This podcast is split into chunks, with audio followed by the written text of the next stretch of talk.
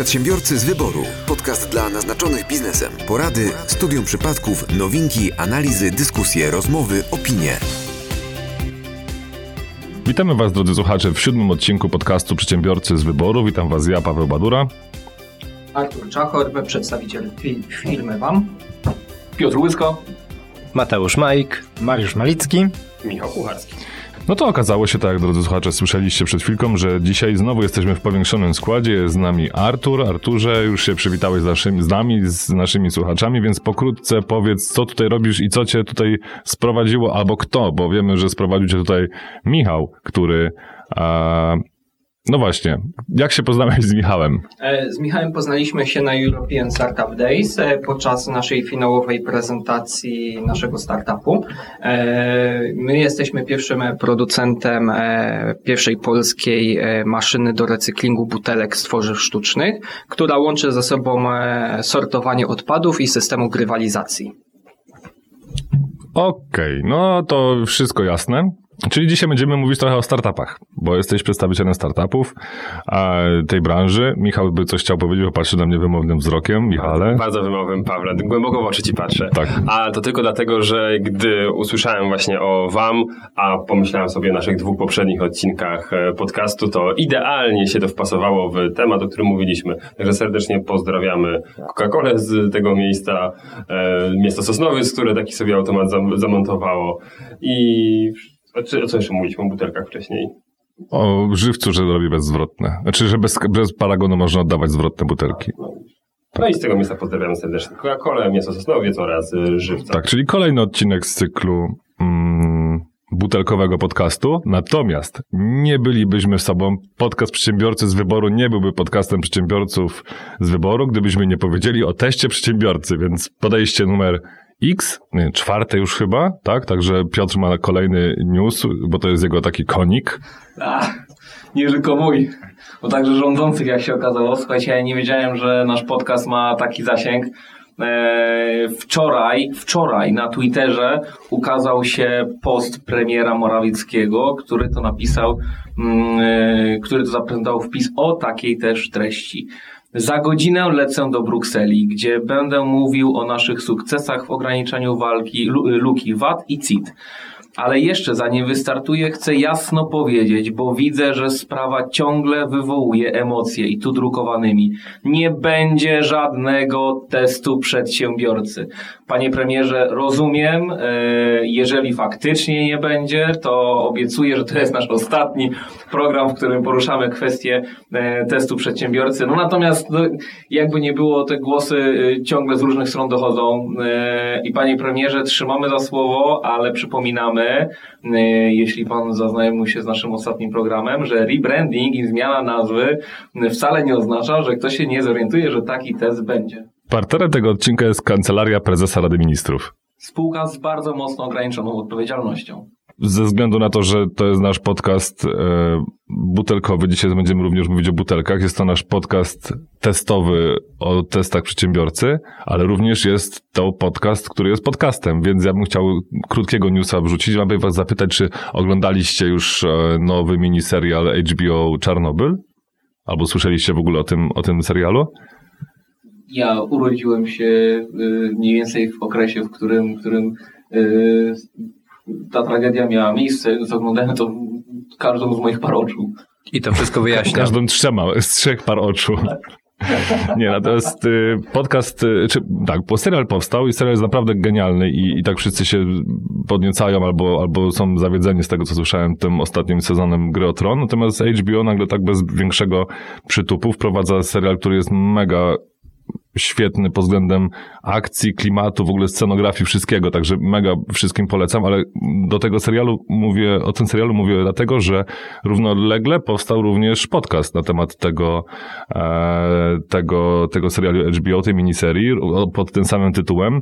I to jest w ogóle świetna sprawa, bo tutaj widać, że twórcy mieli problem, że jak bardzo to jest dokument, a jak bardzo jest to dokument w splecioną, yy, fikcją, która tam się znajduje. Oczywiście fikcja jest jak to, jak to w serialach. Natomiast e, w, w podcaście omawiają, co faktycznie jest prawdą, a co nie i w ogóle takie kulisy i zaplecze. Także mega klimatyczny serial z mega klimatycznym i merytorycznym podcastem, więc wszystkim jak najbardziej polecam, bo no, trzeba polecać dobre podcasty, a to jest dobry podcast. To co panowie, to my zrobimy odwrotnie, tak? Najpierw mamy podcast i robimy serial niedługo. Ale to już to jest coraz częstsza sprawa, bo Netflix już, e, nie pamiętam teraz dokładnie e, jakie e, podcasty mm, są na zaawansowanym etapie rozmów z Netflixem, ale choćby Dirty John. Dirty John to jest podcast, który mm, powstał parę lat temu i aktualnie już jest skończony, wypuszczony i dostępny pierwszy sezon Dirty Johna na Netflixie na podstawie podcastu właśnie. Ja, jak ja z Dirty Johnem spotkałem się dzięki, dzięki tobie, Paweł. Ostatnio jak miałeś uchylony plecak, to wystawała taka plastikowa zabawka, był napisany Dirty John. O tym mówisz? Tak, to ten masażer za 69, e, z, z 69% stawką VAT-u. Tak, tak, to jest, to jest, ja mam problemy z kręgosłupem. Błądzić jest rzeczą ludzką, jak czytamy w piśmie. Ale jak się okazuje, e, przedsiębiorcy widocznie nie są ludźmi. Resort Przedsiębiorczości zaproponował w swoim projekcie prawo do błędu, a mianowicie startujący przedsiębiorca przez pierwsze 12 miesięcy prowadzenia działalności gospodarczej, gdyby popełnił błąd, na przykład właśnie w rozliczeniu podatków, nie byłby za niego karany. No niestety tutaj się pojawił resort finansów, który stwierdził, że nie, to jest tragiczny pomysł i my w tym kierunku nie idziemy.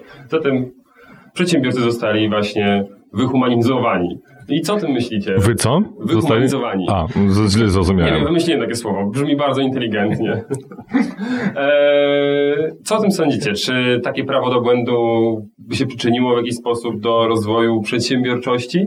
Czy jednak, e, skoro decydujemy się na prowadzenie swojego biznesu, to powinniśmy od początku znać już 100% przepisów i, i sobie potrafić z nimi radzić? To nie jest winnych, niech pierwszy rzuci kamień. Ja zastanawiam się, bo pomysł jest doskonały, tylko yy, znaczy ja jestem jak najbardziej za, bo yy, na przykład w przypadku startupów to byłaby świetna rzecz, bo no, startupy yy, często dopiero wchodzą na rynek, nie wiedzą jak się na nim poruszać i autentycznie sam byłem świadkiem wielu, wielu błędów popełnionych nie z premedytacją czy z chęcią uzysku. Zresztą nawet te błędy, które zostały przez kilka startupów yy, popełnione, nawet yy, przysporzyły im więcej kłopotów finansowych niż, niż ulg jakichkolwiek. Yy, po prostu były to z przeoczenia, z niewiedzy i, i to jest bardzo dobry pomysł. Tylko teraz tak, jak, w jaki sposób czy była jakaś tabelka w Excelu, że startup A zrobił, o, popełnił jeden błąd, startup B już dwa błędy, startup C to jest trzeci błąd. No, pytanie, albo czy, czy, czy jest jakiś zarzut, czy na przykład, że, że jeżeli podczas kontroli y, Urząd Skarbowy znajdzie jakieś, jakieś, jakieś uchybienie, to może się powołać, to jest mój pierwszy błąd, tylko czy ten urząd będzie sprawdzał, czy podczas innej kontroli nie było jakiegoś błędu. Nie, nie, nie bardzo widzę, jakby to można było wprowadzić. Szczerze mówiąc, e, wprowadziłbym, wprowadziłbym inne e, postanowienie, czy inne przepisy, no bo takie jeden błąd, no to jest najgorsze, co można zrobić, najgłupsze, co można zaproponować. E, można wprowadzić, e, czy to był jeden błąd, czy ogólnie błąd? Ogólnie prawo do błędu w pierwszych 12 miesiącach. Błędu? Że możemy sadzić tych błędów. A, błędów. Tak przynajmniej to rozumiem. Błędów czy błędu? U czy ów? Ów. Liczba noga. No ale to, To nie możesz powiedzieć na przykład, przepraszam, zachowałem się jak gówniarz, to był mi przedostatni raz, tak? Tylko tych... no, no, ale to, trochę, to, trochę tak to brzmi, no to, to jest inaczej. Wprowadziłbym, e, znaczy to, to się kłóci w ogóle. Teraz tak, prawo do błędu to znaczy, że urząd mógłby uznać, tak? Ale wiadomo, że nikt by tego nie uznał. Bo skoro są dyrektywy, które mówią, że tyle osób ma być ukaranych, tyle, tyle, tyle kasy ma być zebrane, no to powiedz, mi, który urząd skarbowy stwierdzi, a nie, dobra, faktycznie, przecież każdy się powołuje na błąd. I teraz w jaki sposób, naprawdę bardzo, bardzo ciężko e, będzie teraz z kwestiami dowodowymi. I teraz urząd, jeżeli będzie miał wątpliwość, a zawsze będzie miał wątpliwość, to na pewno zawsze będzie uważał, że to było zrobione z premedytacją. No i teraz, nie wiem, tylko te błędy, które nie przyniosłyby żadnej ulgi, no ciężko, nie, jak, w jaki sposób określić przede wszystkim, czym jest błąd, przede wszystkim w jaki sposób on został popełniony.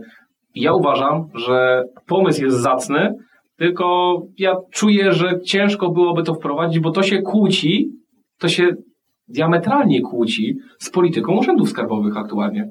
No, można powiedzieć, że dzieje się coś na zasadzie korporacji, nie? że są różne działy, różne, em, no, różne działy, a e, konflikt interesów pojawia się. Nie? Powiedział Piotr Łysko przed chwilą z Ministerstwa Finansów, bo bardzo ładnie uargumentowałeś ich stanowisko. Nie.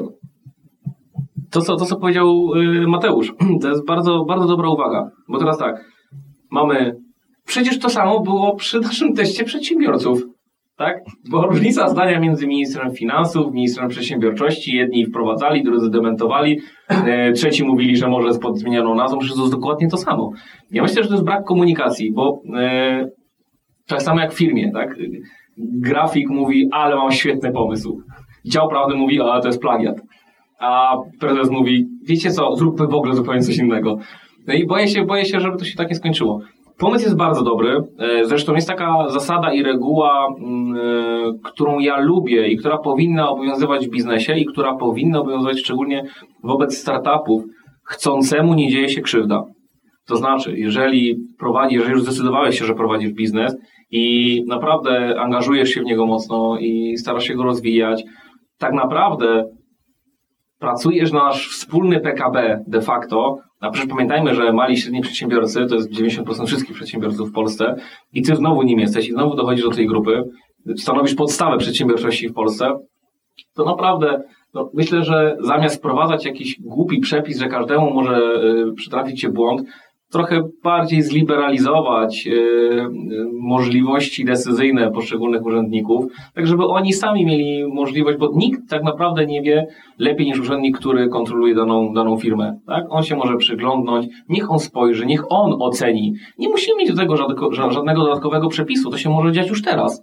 Przecież już teraz można, nie wiem, czy, czy w formie czynnego żalu w jakiś sposób zadośćuczynić i odstąpić od, od, od ukarania kogoś. Przecież to nie potrzeba naprawdę żadnego dodatkowego przepisu, żeby ziściło się to, o czym teraz mówimy. Przedsiębiorcy z wyboru. Podcast dla naznaczonych biznesem. Bo jeszcze nie wyjaśniliśmy sobie jednej bardzo ważnej rzeczy. Mariuszu, jak tam grecka gospodarka? Tak jak e, mówiliście ostatnio, no troszeczkę podbudowałem, trochę pojadłem, trochę popiłem, także e, ktoś na tym zarobił. Okej. A wziąłeś paragon? Mariusz, a ty przypadkiem nie miałeś all inclusive? Kurczę, miałem. To nikt nie zarobił. To nikt nie zarobił. Zarobił ni- niemiecki, niemieckie biuro podróży. Ja chciałbym tylko zdementować jedną rzecz. Nie, nie żebym e, hejtował, ale, Ale, ale nie, ale, nie. To, to ale jest, nie piję żubrów. A myślałem, myślałem też najbardziej, że nie jesteś e, skrajnym prawicowcem. Okej, dobra. Nie, dobra. Żubry to jest najmniejszy problem. Przedsiębiorcy z wyboru. Podcast dla naznaczonych biznesem. Słuchajcie, jak wynika z e, niedawnego wyroku e, Naczelnego Sądu Administracyjnego, chyba sprzed dwóch czy trzech dni, w razie sporu o rynkową wartość transakcji, skarbówka nie może jej ustalić samodzielnie, rezygnując z opinii specjalisty. E, To znaczy, jeżeli e, Urząd Skarbowy zakwestionuje wartość jakiejś transakcji, której dokonaliście, czyli uzna, że była z jakichś przyczyn albo drastycznie e, zawyżona, bądź drastycznie zaniżona, musi poprosić biegłego specjalistę o wycenę, ile taka transakcja powinna kosztować. I to jest bardzo fajny pomysł. Dodatkowo zostało wprowadzone takie, e, taka, taka zasada, że jeżeli wartość określona przez biegłego odbiega co najmniej w 33% od wartości wyrażonej w cenie, koszty opinii specjalisty ponosi podatnik. I myślę, że to jest ok, bo e, to jest fajny krok w kierunku tego, że faktycznie, jeżeli ktoś rażąco, drastycznie zaniża bądź zawyża, no to po pierwsze wypowie się co do tego biegły i oceni to ktoś inny niż urzędnik, co jest super rozwiązaniem.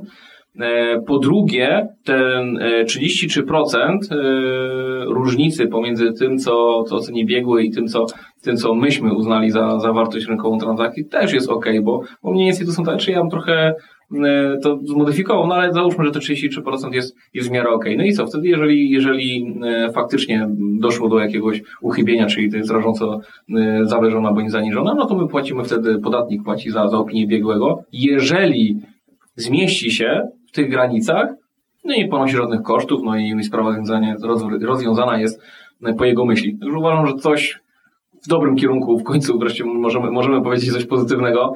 E, Warto, żeby, żeby wszyscy przedsiębiorcy o tym pamiętali, mm, bo te spory odnośnie wartości transakcji są notoryczne, e, więc, więc e, jeżeli macie jakiekolwiek wątpliwości albo z jakichś przyczyn ta wasza wartość transakcji odbiega od, y, od wartości rynkowej, to pamiętajcie, albo możecie spytać, zanim dojdzie do jakiegokolwiek sporu, jakiegoś biegłego, e, albo mocno przygotować sobie uzasadnienie, dlaczego zastosowaliście taką cenę transakcji, a nie inną. No, może być to podyktowane różnymi względami, y, promocją jakąś, nie wiem, chęcią zdobycia rynku, czy, czy, czy, czy nowego klienta.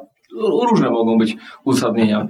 E, grunt, żebyście, żebyście, mieli, żebyście mieli takie uzasadnienie, bo biegły to będzie na to na pewno patrzył. O, można kwestionować potem wycenę opinii biegłego, że będzie na przykład rażąco wysoka? No masz, e, wiesz co, tak, Okej. tak, tak, tak, tak. Są do tego, są do tego mechanizmy. Piotrze, a, a pytanie w drugą stronę. Czy to jest spójne z przepisami dotyczącymi zamówień publicznych i przetargów?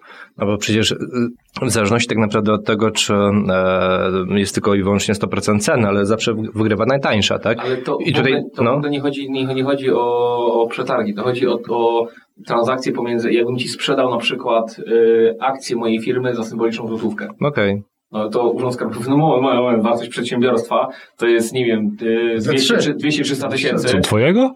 Za trzy Nie mojego, mojego No. znacznie więcej. E, wziąłem jakieś takie przykładowe. Wziąłem Michała przedsiębiorstwa. Pierwszy z brzegu.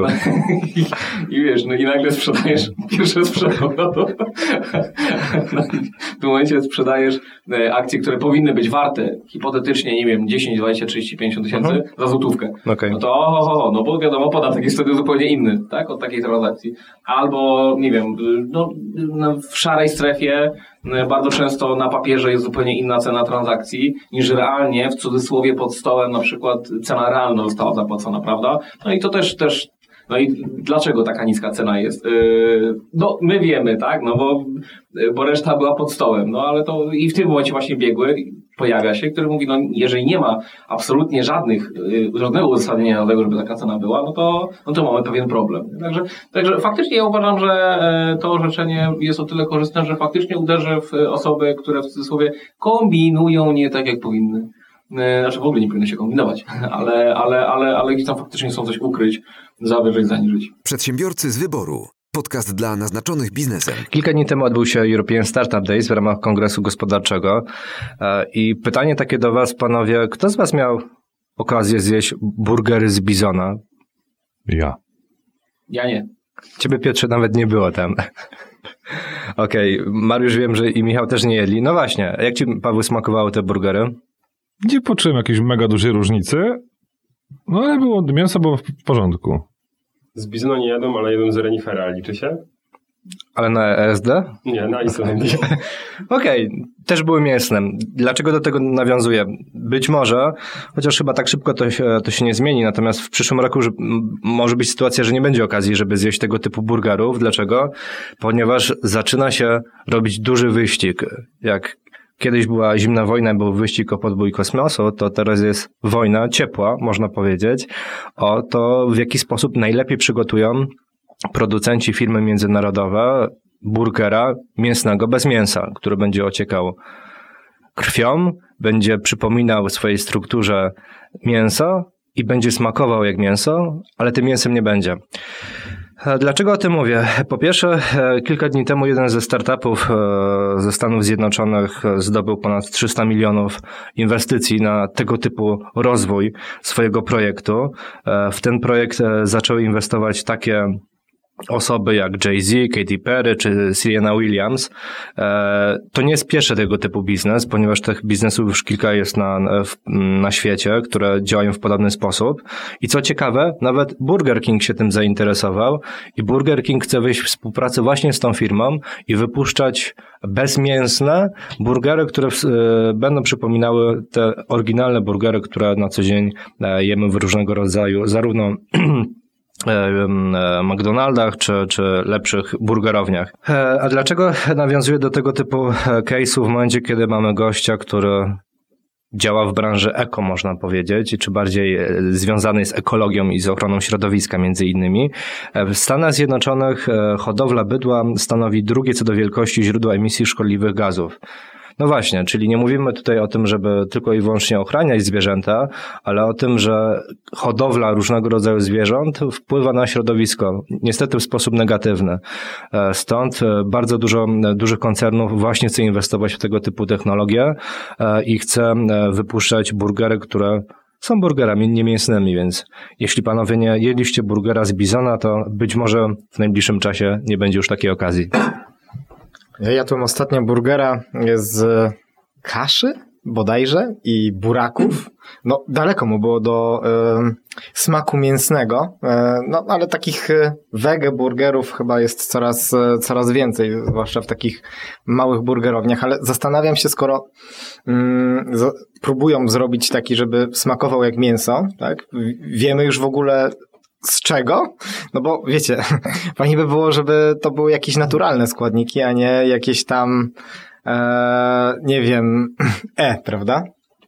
Na, na pewno to będą e, składniki naturalne i z tego, co już mi wiadomo, one są już dostępne. E, Jedna z firm, która e, weszła na rynek, czy uruchomiła swoją produkcję e, no już kilka lat temu, w chwili obecnej mm, e, sprzedała w Ameryce ponad 25 milionów e, tego typu sztuk e, burgerów.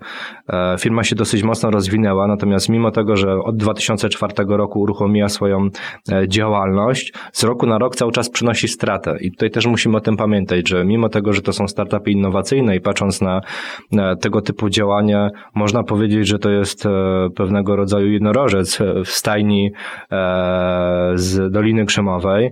E, No, firma weszła na giełdę, to mimo wszystko w 2018 roku przyniosła straty w wysokości 30 milionów dolarów.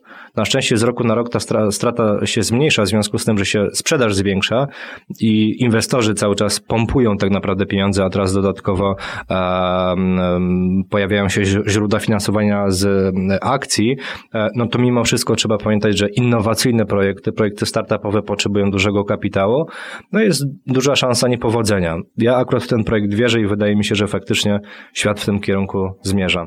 Czy to jest y, ten Beyond Burger? To jest to? Bo to jest tam, właśnie teraz szukałem i znalazłem, to jest w Warszawie w Krowie, Krowa Żywa. E, to tam jest to dostępne, aktualnie chyba na, na jedyne miejsce y, w Polsce, chociaż to jest, to sprawdzałem jakiś czas temu.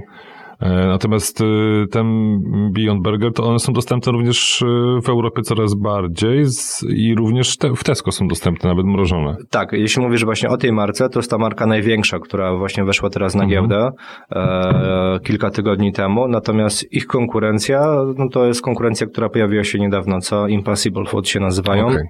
i również właśnie w tą markę różnego rodzaju gwiazdy show biznesu inwestują. W tą pierwszą, o której ty Pawle mówiłeś, to nawet był szef sieci McDonald's zainwestował, także A, okej. konkurencja nie śpi. Nie śpi. No to co, będzie trzeba spróbować i opiszemy. Ja mam taki problem jeszcze a propos tego, zanim się... Tak, bo ja po- muszę, bo ja muszę. no, bo, bo inaczej się uduszę. Do ostatniego zdania Mateu- Mateusza, czy y, szef y, McDonald's nazywa się Ronald McDonald? E, nie. Okej. Ja mam generalnie problem z tymi, czy problem, mnie to trochę śmieszysz w ogóle, że, że mm, weganie to są jak studenci prawa, cykliści i w ogóle, nie wiem, kto jeszcze tak się chwali tym, że... że Crossfitowcy. Crossfitowcy, o tak, crossfitowcy. Nie wiem, po cholerę ludzie robią, nie wiem, pasztet z, y, nie wiem, z fasoli albo y, jakieś w ogóle odpowiedniki jeden do jednego, tak? No to albo ktoś, nie wiem, tak bardzo tęskni za tym, albo, no nie wiem, no pasztet, że to... nie- Parówki sojowe. Parówki sojowe, Parówki cokolwiek. soi? Tak, no. Jak zrobić coś z soi, to nie są parówki. to Albo szynka wegańska, No, tak? właśnie. Albo no to, to, to jest bez sensu. No, albo okej, no to handluj z tym, tak? Jesteś tym weganem, weganinem, czy tam kimkolwiek w ogóle i masz jakieś tam ograniczenia, to nie, nie oszukuj tego mózgu również werbalnie, że jesz pasztet, tak? Bo to, to nie jest pasztet. A To, tu nie chodzi o konsystencję? A jadłeś kiedyś pasztet z y, jakiejś takiej, tak? I co? I konsystencja była taka sama? I co? A Wiesz, ja, parówki chodzi bardziej chyba o kształt, tak? Że po prostu są przygotowane w pewien konkretny sposób. Jak inaczej nazwiesz kształt parówki? Jeśli zrobisz produkt sojowy, który ma kształt parówki, to będziesz nazywał długie i sojowe? Znaczy, z jednej strony macie rację, ale yy, w ten sposób też była ochrona e, pod względem nazw, bo na przykład kiedyś mogliśmy kupić mleko kokosowe, mogliśmy kupić mleko sojowe. Od jakiegoś czasu mm, producenci nie mogą nazywać tego mlekiem, tylko to Napój, jest napój. Dokładnie, bo to nie jest e, coś, co jest wytworzone przez e, zwierzę, tak? Nawet, ale nawet nie sięgając, nie trzeba sięgać do jakichś nie wiadomo jakich zagranicznych odpowiedników. Słuchajcie, oscypek. No oscypek jest taki, a nie inny. Jest wegański oscypek? Nie, nie ma wegańskiego oscypka. Wiecie, co ja ostatnio widziałem w jednej sieci dyskontów? Widziałem, a propos tego, co mówicie, mm, smalec z fasoli. I tak się zastanawiam, kto nazwał świnie fasola, nie? Ale bo wiesz, bo smalec to jest dżem ze świni. Wszystko piękne, natomiast wy tu jakby bardziej nawiązujecie do pewnej Wszystko ideologii. pięknie. No, pięknie. To jest Pięknie, piękna nasza poczta, co? Zobaczcie, wy mówicie o ideologii, czyli o tym, że okej, ktoś się nie zgadza E, moment, na to. Moment, o, to już, słuchaj, tu nie poruszamy takich tematów jak ideologia. Siedzisz obok prawicowca, no zaraz dostaniesz szał. Ja już, ja już widzę, jak mi się gotuje. Pozdrawiam cię, Mariusz.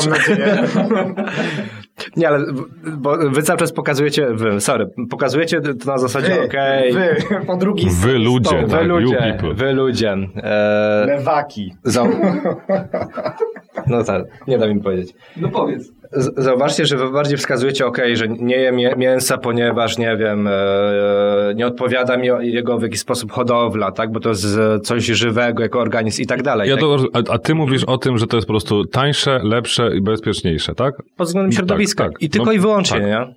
Chodzi o środowisko. Okej, no tak samo jak są te... Mięso mm, jem. To mięso, które jest hodowane po prostu, żeby było wyhodowane, tak? Bez udziału żywego organizmu, tak? To, to, jest, to jest podobna, Tak się da? podobna rzecz. No, podobno się da. Nie, to to Paweł działa tak, że muszą dwa żywe organizmy i one robią... To są Nie wiesz? kwiatek. Nieważne. I zapylanie. No, ale nie no, jest, jest mięso, które jest hodowane Bez żywego La, tak, bez żywego organizmu. No. I to jest też, ale to, to znowu też angażuje tam Mięso, mięso z probówki? Wo, coś Biologicznie. takiego. W laboratorium. No, a widzisz, czyli z probówki. Z probówki. Nie, no, generalnie chodzi o to, ja- jak jakieś czytałem teraz, nie pamiętam tych, tych liczb, bo mm, ale ilość wody potrzebna do wyprodukowania i w ogóle wyhodowania jednej krowy na ileś tam kilogramów wołowiny, no to to jest, to jest masakra, nie? To jest dramat. O wodzie to y, czytałem kiedyś, i to nie od Janusza Piechocińskiego, tylko, tylko zupełnie od kogoś innego. E, czytałem takie naprawdę ciekawe badanie, które mnie zaciekawiło, paradoksalnie, nie sądziłem, że coś takiego może mnie zaciekawić, ale e, jakie były normy dopuszczalne wody w szynce, w mięsie w dwudziestoleciu międzywojennym i dzisiaj? I te do, normy dopuszczalne dzisiaj są trzykrotnie większe. Tam było kiedyś w dwudziestoleciu międzywojennym, nie wiem, nie, nie chcę też yy, przekręcić, ale myślę, że około 5-10%, a dzisiaj to może być 50%. Czy jak no. chce pić, to możesz zjeść szynkę. No de facto tam, tam głównie jest sól i woda, no i trochę mięsa.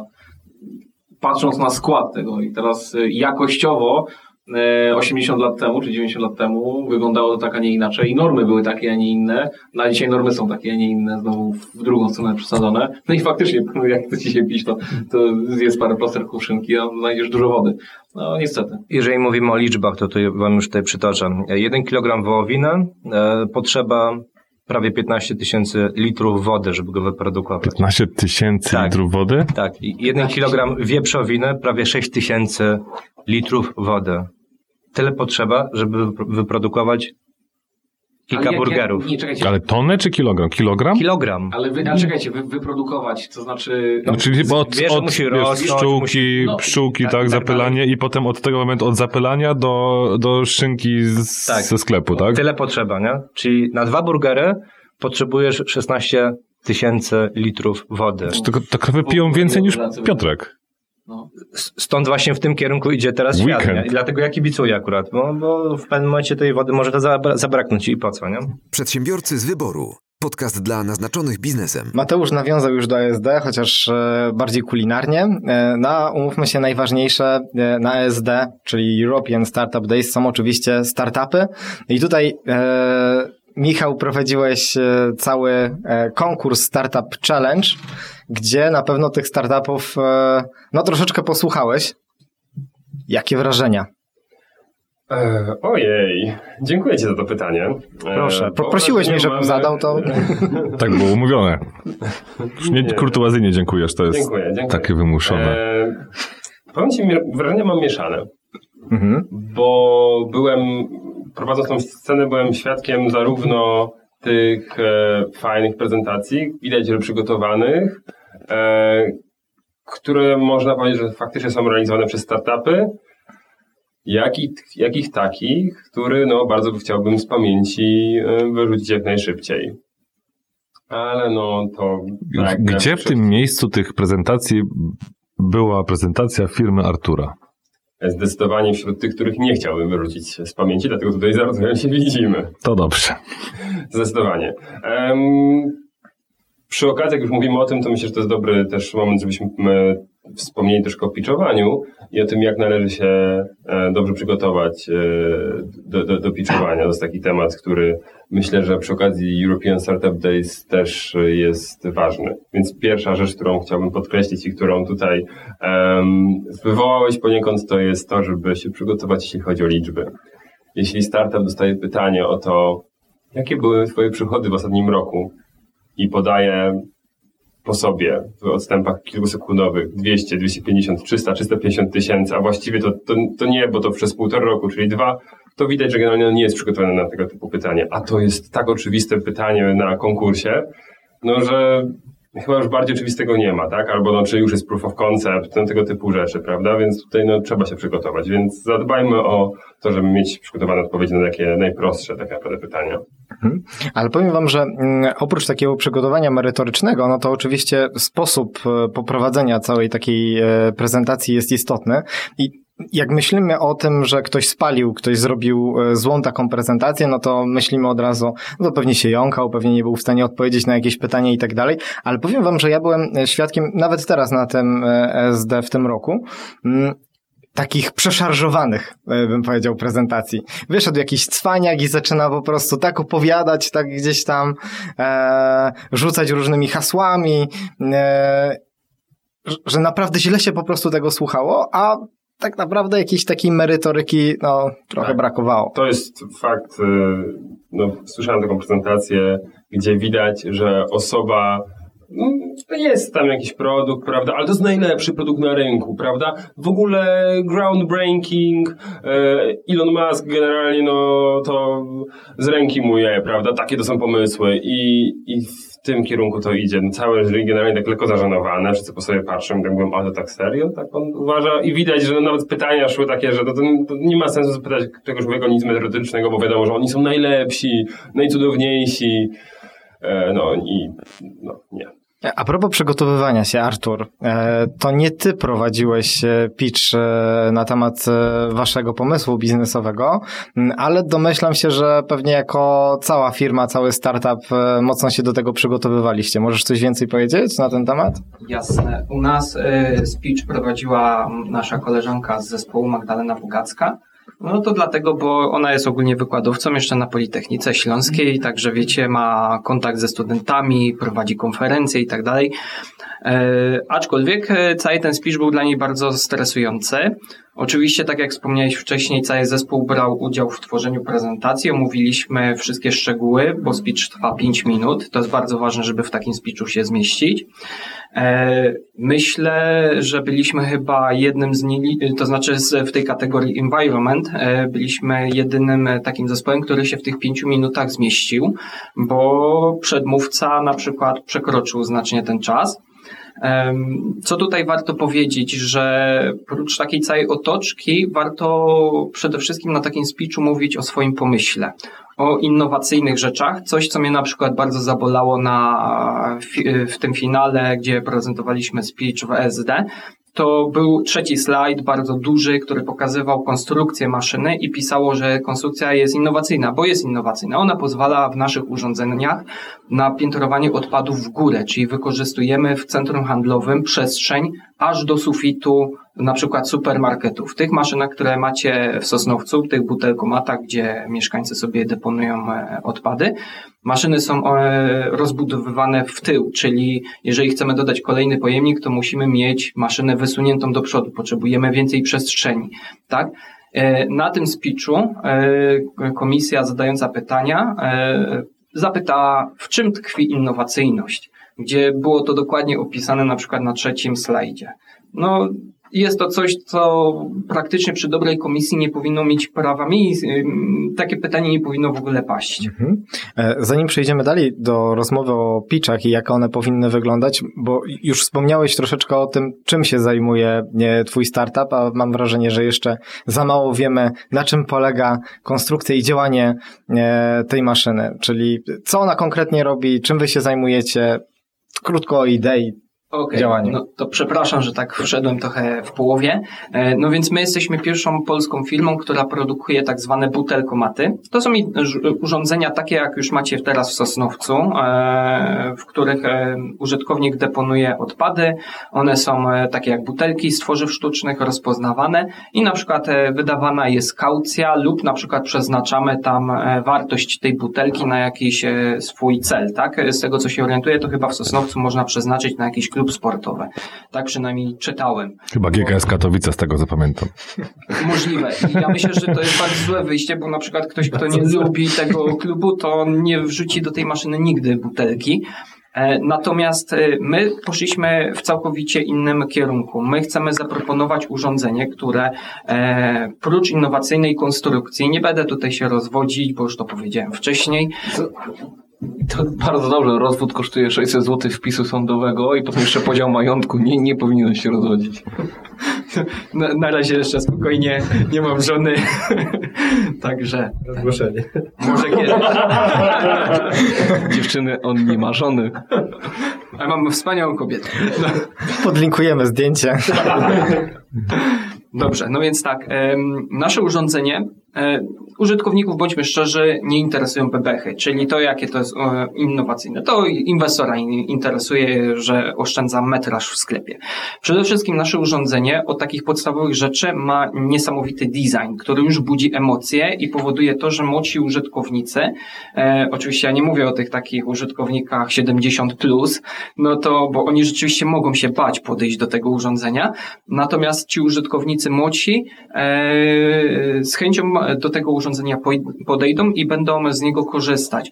Urządzenie łączy ze sobą system grywalizacji, czyli wrzucamy butelki z tworzyw sztucznych i dostajemy za nie kaucję, plus dodatkowo dostajemy e, punkty, wirtualną walutę, tak zwanego naszego garbage coina, którego możemy sobie przeznaczyć na wybrany cel. Albo grę, albo pomoc charytatywną, która ma pokrycie w e, składowanych, wrzucanych odpadach, albo na przykład jakieś e-booki lub e-kursy. E, co tutaj warto też dodać, że nasze urządzenie ma pełnić takie, to ma być taka pierwsza konsola do gier na odpady, czyli coś, e, czego jeszcze tak naprawdę w tej dziedzinie e, tych urządzeń jeszcze nie ma. Ja jestem zafascynowany tym waszym pomysłem zgrywalizowania tak naprawdę ekologii. To jest, jestem, jestem fanem gier i tego, w jaki sposób fan, tak, przyjemność może, może wchodzi do jakichś różnych takich dziedzin życia, które normalnie no, nie są z tym związane, no bo kogo jara segregowanie odpadów, no powiedzmy sobie szczerze. No, Piotr podniósł rękę. Piotrze, opowiedz nam o tym. On wszystkie swoje CD wrzucił ostatnio do kontenera. I kasety wideo, czy nie? Tak, to strasznie mi jara segregacja. Eee, segre... nie wiem, dlaczego, dlaczego się śmiejecie. Aha, to Mateusz się śmieje, tak skrajny to, prawicowiec. Nie, właśnie, kto się śmieje? Skrajny prawicowiec śmieje się z segregacji. Klasyka.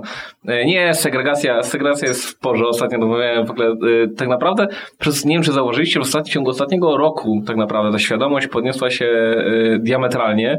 E, te wszystkie akcje, uważam, że one przy, przynoszą skutek.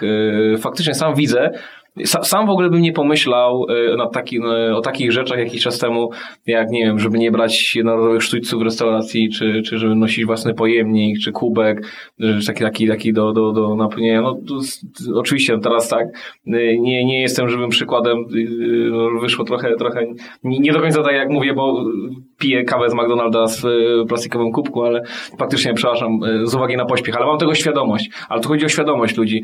E, I uważam, że to jest genialny startup i genialny pomysł, e, bo faktycznie sam ostatnio zastanawiałem się nad kwestią grywalizacji. Połączenie ekologii i grywalizacji e, w czymś, co naprawdę działa, no bo z całym szacunkiem, no spójrzmy na, na, na, na startupy, 99% startupów nie, nie przetrwa dłużej niż rok, a z tych 90-90% kolejne 90% przepali każdą możliwą y, ilość pieniędzy.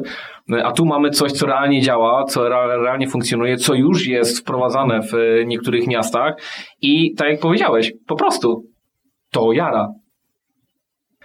A tak z innej beczki panowie wiecie, że dzisiaj można w Starbucksie odebrać e, kubek wielokrotnego użytku pod warunkiem, że kupicie e, jakiś napój. Dzisiaj są w ogóle urodziny Starbucksa. 100 lat. 100 lat. Nie żyją, żyją nam. A będzie można później taki y, kubek y, wrzucić do maszyny wam? E, Oczywiście, jeżeli e, ma on cylindryczny kształt, bo ogólnie wszystkie te maszyny, e, cała rodzina tych maszyn to są tak zwane reverse vending machines. E, Działanie tych maszyn polega na tym, że e, urządzenie analizuje kształt i szuka kodu kreskowego. Aczkolwiek, jeżeli nawet kubek nie ma kodu kreskowego, to może być przyjęty pod względem analizy kształtu. Więc nie wykluczamy tego, tylko warto tutaj zaznaczyć, że na przykład nie dostaniesz już wtedy w naszej aplikacji tych dodatkowych punktów tej wirtualnej waluty, za którą sobie coś kupisz e, w tej aplikacji, o której mówiłem. Mnie strasznie fascynuje, po co sz- maszyna szuka kodu kre- kreskowego? Po to, żeby się skontaktować z firmą, która wyprodukowała butelkę i powiedzieć, haha, wasi oddali? Czy to, to, to ma jakiś inny grubszy sens? Nie, ja, ja bym strzelał, że to jest tak, że dlatego szuka kodu, żeby zobaczyć, że to jest plastik, czy, czy nie plastik, tak? Tak, dokładnie. E, ogólnie teraz w życie w marcu weszła dyrektywa plastikowa. Ona zakazuje e, produkcji różnych tam plastikowych e, widelczyków, talerzyków i tak dalej. Ale To, co jest najważniejsze, o czym się niektóre media mówią, bo to zauważyły, ta dyrektywa nakazuje bardzo wysoki poziom recyklingu opakowań po butelkach z tworzyw sztucznych. I teraz producenci to nakłada bardzo duże obowiązki i koszty na producentów e, opakowań i tej spożywki, w którą są po prostu, e, w, e, którą pakujemy w te opakowania, tak? Oni będą mieli nakaz znormalizowania tych opakowań, żeby wszystkie miały jakieś tam podobne parametry. Dzięki temu kodowi kreskowemu, e, tak jak Paweł zauważył, za, znajdujemy, wiemy jaki to jest materiał, wiemy jaki to jest producent, więc wiemy jednocześnie, czy on stosuje się do tych nowych przepisów. Nowa dyrektywa zakłada tak zwany obieg zamknięty, czyli ten, e, to opakowanie z tej butelki musi pozostać w ciągłym użytku jak najdłużej. Do 2029 roku mamy mieć 95%, za dwa lata mamy mieć 70%. W tej chwili mamy 18%. I teraz e, jedyny sposób na wprowadzenie tego to jest e, osiągnięcie tych poziomów, to jest system kaucyjny. Czyli to, co jest w Niemczech, że chodzimy do tych brzydkich maszyn, deponujemy i dostajemy kaucję, która została nam z góry narzucona. Więc e, teraz jest pytanie nie to, czy wprowadzimy system kaucyjny, tylko kiedy i na jakich e, zasadach.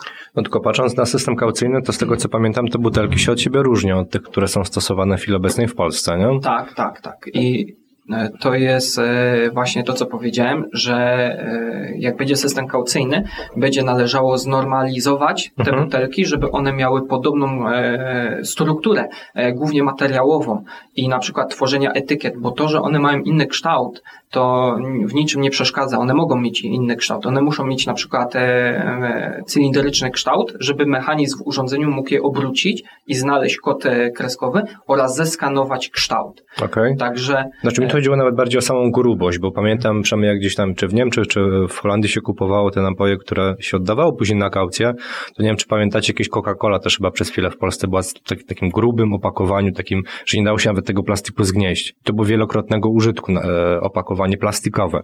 I teraz pytanie, czy mówimy o znormalizowaniu, ale pozostawieniu tej samej grubości, żeby w tym momencie szybciej, nie wiem, e, tworzyć PET i później ewentualnie ponownie go wprowadzać w obieg, czy to będą te grube opakowania?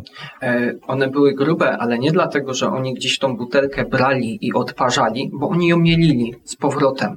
Po prostu ona była gruba, bo była inna konsystencja tego materiału, który można po prostu przetworzyć. Nie, a my się, Potem recyklingu. jesteś pewny, że te butelki były mielone i tak i tak, tak, Ale zawsze naprawdę? były takie mocno porysowane, takie już No właśnie. nie? więc Mo- możecie zobaczyć, są filmy, jak działają te urządzenia. One po prostu wszystkie podlegają recyklingowi. One są ponownie e, przetwarzane. Chodzi o to, żeby ten surowiec był takiej samej konsystencji i po prostu, i żeby e, jego jakość, czyli najgorzej w recyklingu jest o surowiec, który jest brudny, mokry i tak dalej, e, żeby jego jakość była jak najczystsza i wtedy on może być ponownie e, przetworzony znów na tą butelkę którą wy używacie.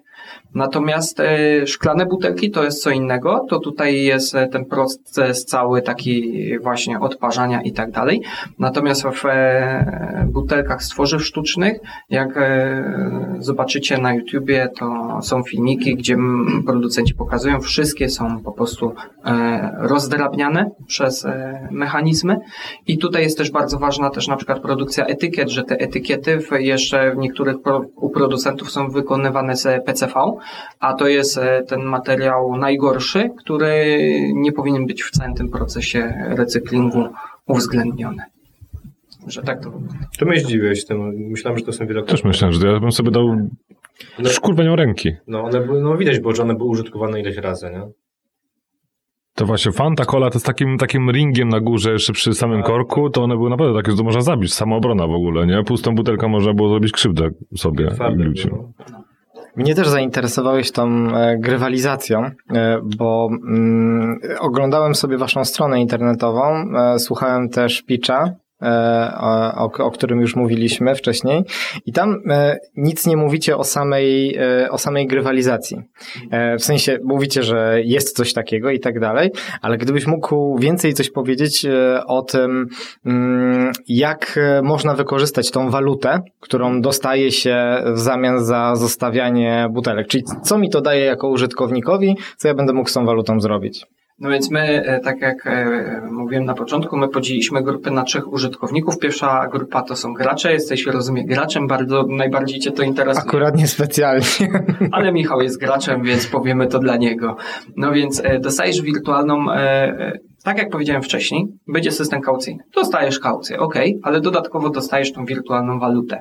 I teraz my chcemy Cię zaangażować jak najbardziej e, e, w nasze gry i to będą gry multiplayer, czyli gdzieś, gdzie będziesz rywalizować ze swoim kolegą. E, to może być gra, przede wszystkim celujemy w takie gry typu wyścigi, gdzie na przykład za 50 e, zdeponowanych butelek będziesz mógł kupić sobie tylko Mazdę, tak? Jak zdeponujesz 70, kupisz sobie BMW M3 i będziesz wygrywać z Michałem te wyścigi. Będziesz mógł, jeżeli na przykład deweloper gier, z którymi chcemy nawiązać e, współpracę, bo my nie chcemy produkować tych gier, my chcemy współpracować e, z deweloperami, którzy już teraz na przykład w sieciach, e, w sieci Play, sklepu Play, oni oferują swoje gry. Zrobią na przykład nakładkę, że za trzy zdeponowane butelki kupujesz lepsze alufelgi, lepsze opony do, do gry. Na przykład dla najmłodszych chcemy wprowadzić takie tamagotchi, potworka, którego sobie dzieci hodują, żywią wkładanymi tymi e, butelkami. Gdzieś tam e, z tyłu e, w głowie mamy również taki pomysł, bo tutaj od razu też, nie wiem czy mogę teraz sprzedać ten news, wy będziecie pierwsi. To śmiało. Chcemy za 5 miesięcy za, e, przedstawić nasze pierwsze urządzenie do sortowania, które jest specjalnie zaprojektowane do użytku w szkołach. W jednej z ebnickich szkół chcielibyśmy to przedstawić i to urządzenie właśnie pokaże dzieciakom, e, będą mogły tam sortować butelki e, szklane i butelki z tworzyw sztucznych. Natomiast e, za zdobyte e, punkty będą żywiły sobie wirtualnego potworka. Plan również, pla- plan również jest taki, żeby ten e, potworek miał jakieś, wiecie, takie podstawowe opcje komunikacji z nauczycielami. Typu nauczyciel mógłby przez potworka zadać pytanie, czy wiesz, ile wynosi na przykład przyciąganie ziemskie, tak? Jeżeli Kotangens, kotangens. Albo kotangens, tak? Jeżeli dziecko odpowie, potworek ma więcej energii, tak? Jakoś się tam też promuje i bardziej rozwija. Wtedy możemy uczyć dzieciaki ekologii, możemy je uczyć e, odpowiedzialności po części, bo dbają o tego swojego potworka i e, również e, edukować je w zakresie na przykład tej szkoły, bo wszyscy wiemy, że na przykład te lekcje w szkołach, gdzie słuchamy nauczyciela na tablicy i tak dalej, no mają jakiś pewien stopień efektywności, gdy angażujemy do tego jakieś nowe techniki typu grywalizację, jest dużo lepiej.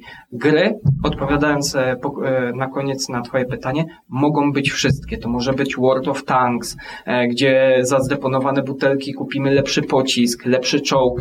E, mnogość tematu nie zna tutaj granic. Na przykład padł ostatnio też taki pomysł, oczywiście to jest poza naszą możliwością, nie mamy jeszcze nawet takiego jakiegoś dewelopera, oczywiście prowadzimy rozmowy z kilkoma, natomiast nie mamy dewelopera, który ma takie gry w swojej bazie, ale na przykład SimCity. Mógłbyś deponować butelki i spełniać w takiej grze swoje marzenia, kupować super brykę, e, super mieszkanie, e, coś o czym marzysz e, w normalnym życiu, robiłbyś w wirtualnym, a twoją walutą byłyby właśnie te butelki. Okej, okay, a gdybym faktycznie, no bo ja tak jak już wspomniałem, specjalnie graczem nie jestem, czy mogę też jakoś zamienić na coś realnego e, waszą walutę? Jest taka możliwość? Nie, naszej waluty e, nie możesz e, zamienić na nic realnego. Ta waluta jest tylko i wyłącznie warta w naszej aplikacji i w tych e, rzeczach, które my tam oferujemy użytkownikowi. Jeżeli nie lubisz gier, no to jedyna opcja, no to jest później tylko tak, jak powiedziałem na początku, jakaś wymiana na e-booki, jakieś e-kursy, audiobooki. E, tam, tak jak wspominałeś, na stronie internetowej głównie mamy rozwiązania też opisane dla gmin. E, to była bardzo dobra uwaga. Roz, rozpiszemy te rozwiązania z grywalizacją, ale jeśli chodzi o gminy, to na przykład e, będzie połączenie z systemem na przykład komunikacji miejskiej, żeby mieć da, darmowy bilet, darmowy albo tańszy parking. Także tutaj te rozwiązania zawsze myślę, że trafią w jakiegoś docelowego odbiorcę. A pomyśl sobie, gdybyśmy na przykład wprowadzili taki system ogólnopolski całej tej naszej aplikacji i urządzenia i na przykład nie lubisz tam e-booków, w gminie też cię parking nie interesuje, gra tym bardziej, nie oddajesz też na chore zwierzątka tych swoich kaucji i tych bilonów, ale na przykład zbierasz i potem, kurczę, masz na przykład autostradę, która jest niebotycznie droga, raz w roku za darmo tak? Nie, nie zapłacisz za nią, już cię to tak nie będzie boleć, nie? Bo wiesz, my na przykład te, odpady składowane tam, one również mają wartość. Małą, ale mają, tak? Ta wirtualna waluta, ona będzie miała po części odzwierciedlenie właśnie w tych e, odpadach, które są tam składowane. Więc tak naprawdę ty budujesz sobie tak jakby też y, możemy y, w rozmowie z kooperantami zrobić taki system, że gdzieś to się tam później też może w jakiś, w jakiś pozytywny sposób odbić na Twoim portfelu. Tylko tak jak mówię, dla nas najważniejsze to jest zbudować maszynę, pokazać ją, pokazać ją z aplikacją najpierw dla dzieciaków, a później iść etapami, małymi kroczkami do celu. Maszyna ma edukować, przynajmniej ja to tak też rozumiem, i budować pewnego rodzaju nawyk tak, w pokoleniu. A ta kasa, e, jakby taka namacalna, to jest coś przy okazji, czego nie będzie w tym przypadku, ale będą innego rodzaju walory, z których można skorzystać. Znaczy, e, jakby to, co odpowiedziałeś, Artur, no to to jest dokładnie to, czego, czego bym oczekiwał. To są właśnie dla mnie realne rzeczy. E-booki, e, jakieś, mówię, po prostu nie gra, tak, tylko e, mogę, mogę, mogę sobie to jakoś inaczej wykorzystać, a bilety komunikacji miejskiej jakieś gdzieś do, ta, do teatru, czy do, czy do kina, czy na basen, w ogóle rewelacja. Hulajnoga. Elektryczna. O tak. Motorower. Motorower, przepraszam. E, ja jeszcze chciałem Wam powiedzieć, że na przykład e, na ESD byliśmy tam zaproszeni na workshop e, organizowany przez Sebastiana Kulczyka i tam, nie pamiętam jeszcze jakąś tam firmę.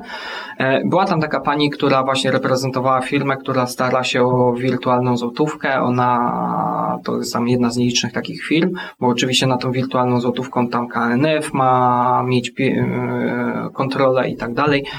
E, bardzo spodobał się jej ten pomysł i na przykład tutaj, gdybyśmy na przykład nawiązali współpracę, wprowadzono by taką wirtualną złotówkę, nawiązalibyśmy współpracę z taką firmą, to ta kaucja, która tak czy siak kiedyś będzie, ona będzie na pewno. E, to na przykład ta kaucja, którą ty tam oddajesz, miałbyś, e, miałbyś, mógłbyś sobie ją przelewać. Nie musiałbyś iść z tym paragonem do sklepu, tak, mógłbyś, ale nie musiałbyś. Mógłbyś sobie ją przelać na przykład na konto bankowe albo na jakiś, e, na jakiś inny wybrany cel. Bitcoiny. Rahim coiny. Wiedziałem. Dobre coiny.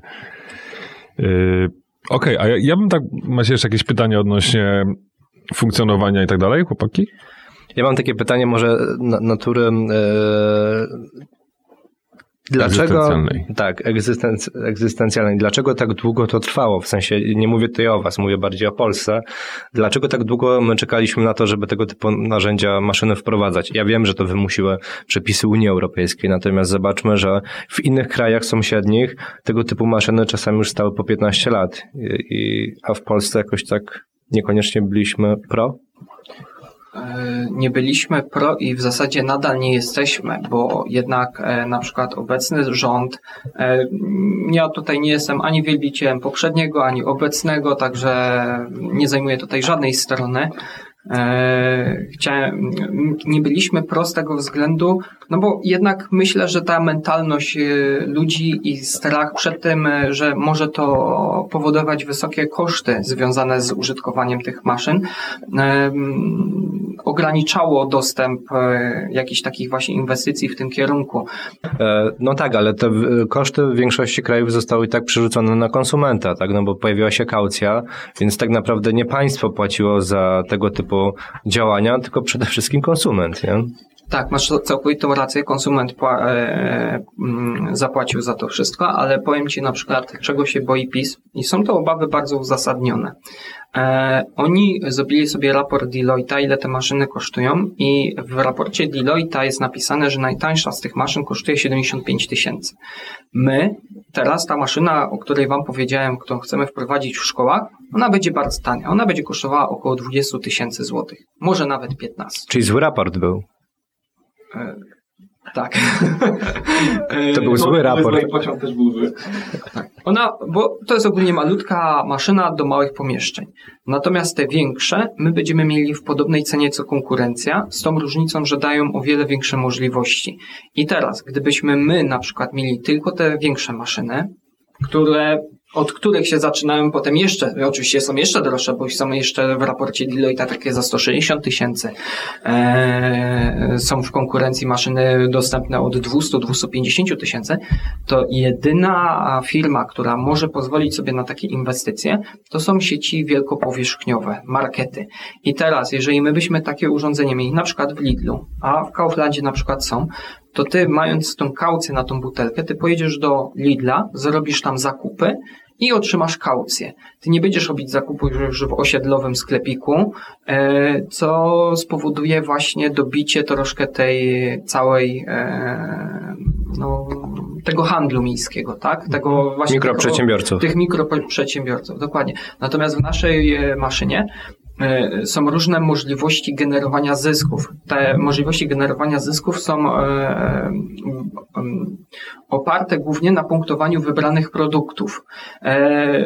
W zależności od tego, jakiego mamy gracza, my możemy punktować dodatkowo wybrany produkt, ale to nie wszystko. My możemy punktować również różne lokalizacje maszyn. I na przykład, jeżeli byśmy mieli maszyny, które zakupi od nas gmina, na przykład, które byłyby tańsze, bo na przykład miałyby mniej opcji, których już na przykład gmina nie wymaga, to moglibyśmy je dodatkowo punktować, a wtedy tobie jako użytkownikowi bardziej się opłaci e, jechać do tej maszyny, którą masz bliżej i robić zakupy na przykład w tych osiedlowych tamtych swoich sklepach, których produkty są bardziej punktowane, e, i z których po prostu masz dodatkową tam korzyść. Czyli wspieramy przedsiębiorców z wyboru. Przedsiębiorcy z wyboru. Podcast dla naznaczonych biznesem. Arturze, y, bo to, co ja zauważyłem w przypadku waszego startupu, albo może inaczej, w przypadku innych startupów, co zauważyłem, a czego wy nie macie, to y, po pierwsze to jest wiedza, a po drugie siła przebicia. Y, I bardzo często, bardzo często wiele startupów, które spotykam, to jest albo wiedza,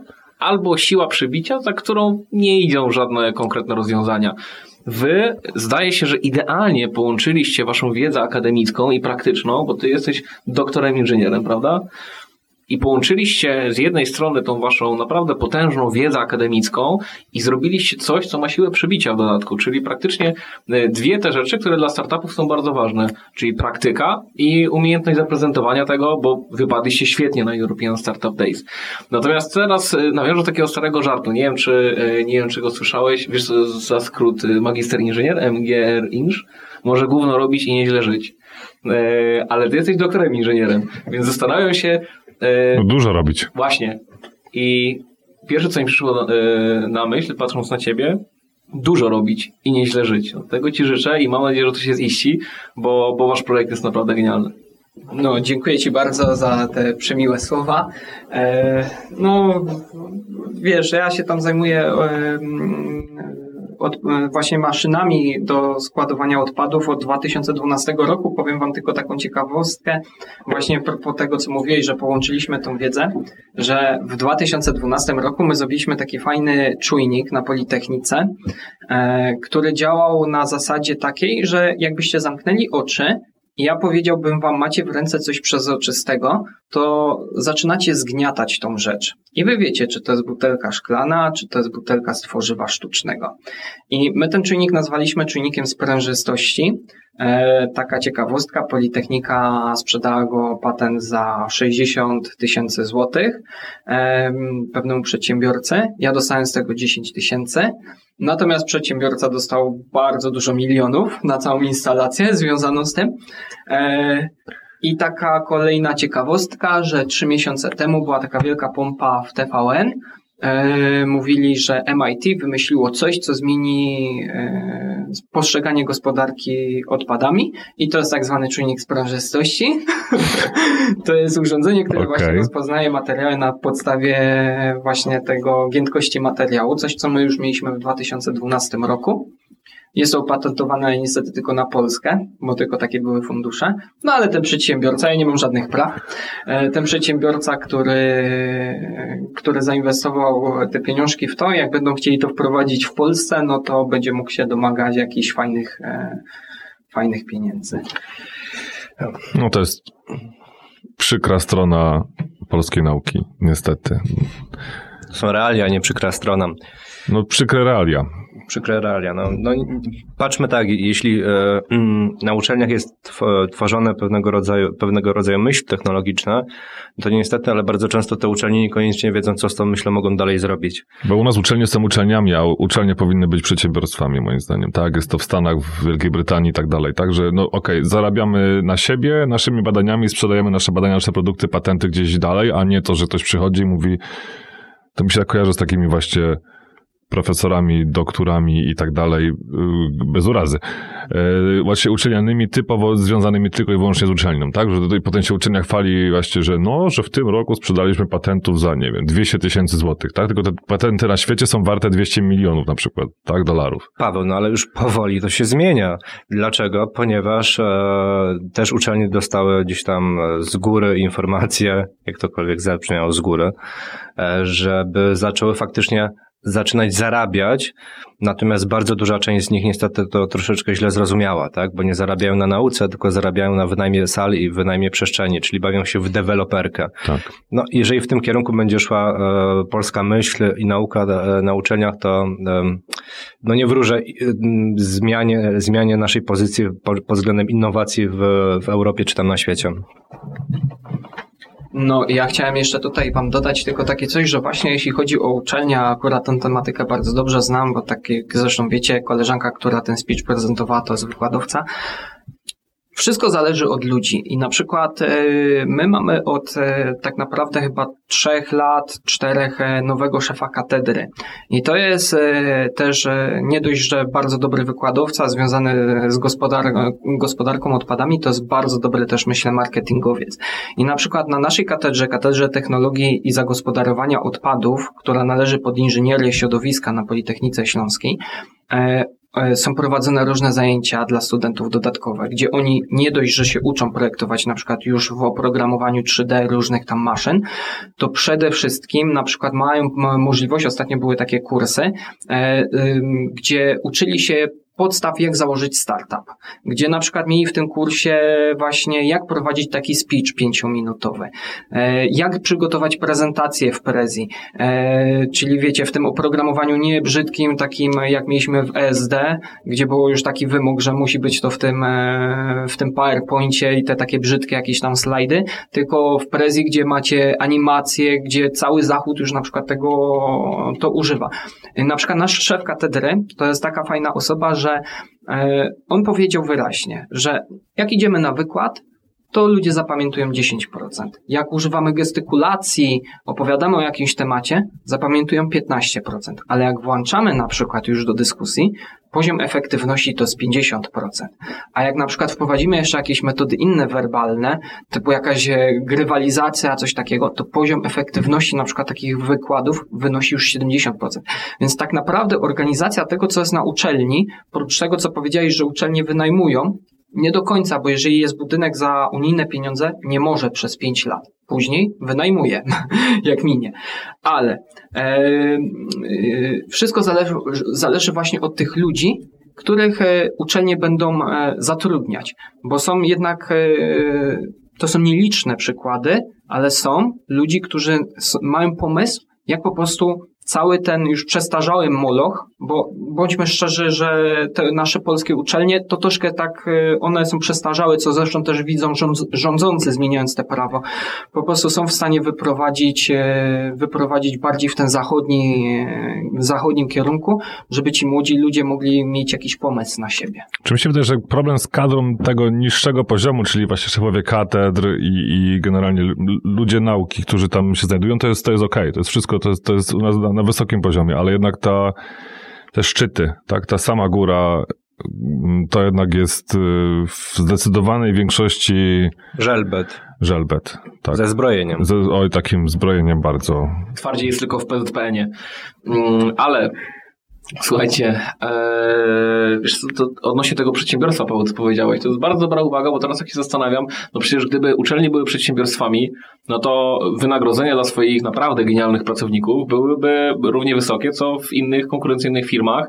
No i teraz tak, bardzo dużo, ja sam osobiście znam kilka osób, które chciałyby zostać na uczelni, ale mówią mi tak, Piotrek, no kredyt trzeba spłacić więc ja po prostu przyjmuję ofertę komercyjnej firmy, idę tam pracować. No trudno, będę robił rzeczy może nie do końca zgodne z moją ideologią i jakimś tam, nie wiem, przeznaczeniem czy, czy, czy moim powołaniem. No ale wiesz, kasa jest diametralnie inna. Gdyby te pieniądze były wyższe i gdyby uczelnie były przedsiębiorstwami i miały w ogóle wydolność finansową, żeby, żeby zrównać się konkurencyjnością na rynku pracy, jeśli chodzi o specjalistów, no myślę, że to wszystko szłoby, do, to był taki efekt domina, wszystko szłoby do, do przodu automatycznie. No, kiedyś gdzieś tam ktoś powiedział takie mądre słowa, żebyśmy tworzyli ten cały złoty trójkąt, tak? Natomiast na tym mówieniu o tym złotym trójkącie się skończyło e, czyli samorząd, nauka i biznes, no bo niestety, ale te trzy e, gałęzie, mimo tego, że chcą, to nie do końca ze sobą współpracują. Nie? Przedsiębiorcy z wyboru. Podcast dla naznaczonych biznesem. Wracając do tematu, który nam uciekł, czyli tej grywalizacji gdzieś tam związanej z waszym produktem. Tak już tutaj chłopaki potwierdzały, temat mnie strasznie jara, bo widzę po prostu ogrom możliwości, jaki tutaj jest. E, współpraca z firmami energetycznymi, które będą nam obniżać rachunek, jeśli wyrzucamy butelki na przykład. Albo każda butelka to dodatkowy hajs, nie wiem, dla Greenpeace'u na przykład. To są, to są takie opcje, które... Widzisz, że Piotr ma coś do Greenpeace'u? Za chwilę, za chwilę Piotrze, za chwilę będziesz mógł sobie tutaj wszystko o Greenpeace'ie powiedzieć. Mm. Greenpeace to zielony groszek w sumie, nie? tak, tak, zielony groszek. Dla Greenpeace też ogólnie myślę, że przyszłość właśnie tutaj tego, tego typu rozwiązań jest właśnie w tym połączeniu wirtualu, tak, z, z realem i to jest świetne, mm, wasze rozwiązania są tyle świetne, że gdzieś tam te rozwiązania od zachodnich producentów czy zagranicznych, tak, bo nie wiem, czy są z zachodu e, konkretnie, e, pojawiają się, ale wy już macie super przewagę konkurencyjną, bo do czegoś, co może być nudne, no bo jeju, no trzeba te butelki e, kolekcjonować, dodajecie element zabawy. I to jest tak super, że, że oddam głos Greenpeace'owi. Greenpeace, no jest po prostu, nie, nie no to nie, nie jest moja ulubiona organizacja. Eee, ja uważam, że kajdanek powinni używać policjanci, a nie Greenpeace przy, przykuwający się do drzewa. Już nawet na, na przykład, w, bo żeby nie było, że nie wiem, że, że nie lubię organizacji proekologicznych, jestem wielkim fanem e, WWF. Tak? E, to, to, to, to, dobrze się ten skrót? Taka panda. Tak, tak, tak, tak. Panda. Panda, panda, panda. Panda kubek ze Starbucksa. No, nikt, nikt, nikt, nikt z, tej, z tej fundacji nigdy mnie nie zaczepiał y, na ulicy. E, nie, nie słyszałem, żeby w Polsce gdziekolwiek się przykuwali, a, ale za to byłem świadkiem ogromu roboty, którą, którą wykonują. Sam, sam gdzieś podróżując po świecie e, byłem naocznym świadkiem świetnie zorganizowanych akcji, szeroko zakrojonej pomocy. Znaczy, to, to oczywiście po prostu jakieś, mówimy, żartujemy sobie, że nie, nie Greenpeace, a po prostu inna organizacja. No, ale sam pomysł, sam pomysł jest genialny. Zresztą ja jestem ogromnym fanem grywalizacji, od kiedy dowiedziałem się, bo zawsze grywalizacja, grywalizacja nie, nawet nie sądziłem, że mam styczność z grywalizacją. E, wszyscy wiemy, jestem tradycjonalistą. Tak, tak Saper, XP. Tak, tak, Windows XP, płyty kompaktowe. Raczej ale, eurobiznes no, jechałem, i szachy. Ale jechałem z moim, jechałem z moim kolegą Gierki. E, samochodem Gierki. i nie pamiętam jakiej marki, e, ale tam przy lepszym spalaniu, jak jechał bardziej ekonomicznie, to rosło mu drzewko. I razem ze swoim kolegą, który miał inny taki, inny taki, samochód, inny taki samochód, z czego się wszyscy śmiejecie? Ja w Skodzie mam, marihuany w aucie. Ja w, sko, ja w Skodzie mam drzewko, które mi rośnie. Ale tak i, i o, to tak może, się jarasz Skodą? Skody i wiesz, i, i, i kierowcy tych samochodów konkurują ze sobą, kto ma drzewo. Kto ma większy konar. Kto, kto, tak, kto ma większy konar. To jest, to jest bardzo stara gra, to jest bardzo stara gra. E, no okej, okay, to jest bardzo stara gra. I wszyscy mają 16 centymetrów. Równe chłopaki. Dobra, chciałem powiedzieć tylko, że grywalizacja jest w porzo i że to, co robicie... Ale czy chciałeś... rację Michałowi. Tak. Raz w życiu chciałem przyznać rację Michałowi. Chciałeś i ci nie wyszło, no. Ale, ale widać, że ja nie jestem do tego stworzony, żeby przyznać rację Michałowi, więc nie Michał. Mimo, że się z tobą zgadzam, nie masz racji. E, grywalizacja grywalizacją, natomiast ekonomia ekonomią i pytanie takie bardziej natury ekonomicznej. E, okej, okay, miasto, sklep inwestuje, dajmy na to, że to będzie miasto, samorząd, inwestuje w tego typu maszyny. Czy w jakiś sposób są, były jakieś badania prowadzone przez Was albo przez inne tego typu firmy, w jaki sposób miasto może zaoszczędzić i na czym ono zaoszczędza w momencie wprowadzenia tego typu maszyn? Poza samymi przepisami, które oczywiście musi wprowadzić i bez ich wprowadzenia pojawią się kary, ale nie mówię o takich oszczędnościach, o takich faktycznych oszczędnościach z pracy na przykład innych osób. E, to znaczy powiem Ci, że ani miasta, ani my nie prowadziliśmy takich badań, bo głównie chodzi o te przepisy, żeby spełnić pewne poziomy recyklingu, które już teraz w miastach bardzo, bardzo kuleją i e, mimo tego, że miasta nieraz e, zatrudniają firmy do wywózki tych śmieci, które każą nam sortować tak na różne worki i tak dalej, to i tak te poziomy recyklingu, sortowania są bardzo, bardzo niskie. Więc miasta głównie takie jak Sosnowiec albo Kraków, one pokazują w Sosnowcu chyba bodajże w, e, w ciągu kwartału w tej jednej maszynie tam zebrano 35 tysięcy butelek z tego, co raz czytałem. Nie wiem, czy jest to prawda, no ale załóżmy, że tak, tak? To jest dużo czy mało? No to jest bardzo, bardzo dobry wynik, aż za dobre jak na te maszyny. Więc e, przyjmijmy, że, że jest to, że, że jest to prawda, więc mając więcej takich maszyn, miasto może wyjść właśnie z tego problemu, które właśnie na, nakłada Unia Europejska na te poziomy recyklingu właśnie tych butelek z tworzyw sztucznych. Więc to głównie e, naszych włodarzy interesuje, żeby te e, już nie zarabiać albo oszczędzać, tak jak e, zadałeś pytanie, na jakichś usługach, na jakiejś pracy i tak dalej, tylko przede wszystkim, żeby spełnić te wymagana, wy, wymagania prawa. Mhm. Okej, okay, bo już tak poszedłem może trochę marzeniami, natomiast tak sobie wyobraziłem osoby biegające po ulicy i sprzątające wszelkiego rodzaju puszki, plastiki i tak dalej, no i wrzucające do, do tych maszyn, bo w momencie, kiedy, nie wiem, ktoś jest fanem jakiejś, e, nie wiem, e, piłkarskim, na przykład patrząc na Sosnowiec, tak, albo mhm. znowu graczem, typu Michał, e, no to w momencie, kiedy może za darmo tak naprawdę podnosząc pewnego rodzaju śmieci leżące na ulicy zdobyć jakieś dodatkowe punkty, no to jest i plus dla miasta, bo hipotetycznie oszczędza na e, służbach sprzątających to miasto, tak, jak i na przykład dla, dla osoby, która to podniesie, a przy okazji fajny, fajny gest, nie? Oczywiście może popłynąłem tutaj z, z tą tezą, natomiast czemu by nie? Ale w sumie dlaczego popłynąłeś? E, łatwo sobie to wyobrazić, biorąc pod uwagę to, co się działo z grą Pokémon Go, prawda? E, nagle tysiące ludzi, naprawdę było można zauważyć na przykład w Parku Śląskim e, i to nie tylko dzieciaków, e, to, to trzeba podkreślić. Normalnie dorośli ludzie, którzy zbierali te Pokémony na swoje e, telefony, teraz mogą no, zbierać śmieci. E, ja wam powiem, że na przykład e, w e, kierunku właśnie tych gier i tego potworka, którego my robimy dla dzieci, najprawdopodobniej sami będziemy musieli skodzić tutaj tą aplikację z tym potworkiem, więc to będzie taka serio dla dzieciaków podstawa, żeby już poznać ten system tej grywalizacji. Natomiast my docelowo mieliśmy taką grę mm, i scenariusz tej gry miał być właśnie wzoro... No nie, że się wzorowaliśmy, tylko uczyliśmy się na przykład od Pokémon Go, że każdy z was sobie tego potwora na przykład sam hoduje pod siebie, tak, że na przykład on będzie potem zbierał jakieś moce i w każdej z tych naszych maszyn, które stoją na przykład przed sklepami, wy yy, odpalacie też kamerkę i widzicie takie klatki wyhodowanych tych potworów, na przykład możecie go wymienić na innego potwora i na przykład też ten multiplayer, czyli ta rywalizacja jest bardzo ważna, wyzwać na przykład po dwumiesięcznej hodowli tego potwora innego potwora na walkę, nie? I na przykład go zjeść albo tam, nie wiem, zabić i e, wziąć mu jakieś tam moce, albo do niewoli go wziąć, żeby mieć tam już e, jakieś stado tych niewolników, tych swoich potworków. Różne opcje, tylko że to się łączy z bardzo dużymi kosztami skodzenia tej aplikacji, a bądźmy szczerzy, jeżeli aplikacja nie jest rozwijana, to ona po pewnym czasie się nudzi. Więc e, chcemy zrobić takie coś dla dzieciaków, połączyć to z edukacją, z kontaktem tam z nauczycielami, a przede wszystkim bazować na grach już, które istnieją, od znanych jakichś czyli na przykład ten World of Tanks, gdzie każda, każdy użytkownik ma znaleźć coś pod siebie. No już tak oczami wyobraźnie widzę zapalonych graczy, którzy kupują butelki tylko po to, żeby wylać ten napój, żeby jednak mieć tego potworka, tak, jakiegoś tam większego, także jest to taka jest, opcja. Jest to też e, jakby nie było pewna obawa, aczkolwiek... A, to jest e, już e, margines, tak? Będzie to posortowane, tak, bo tak. kupują to, żeby to nigdzie nam to nie będzie leżeć, bo oni nie będą spisywać kodu i gdzieś go wpisywać i butelkę gdzieś do lasu, tylko wrzucą ją znów do maszyny, ok?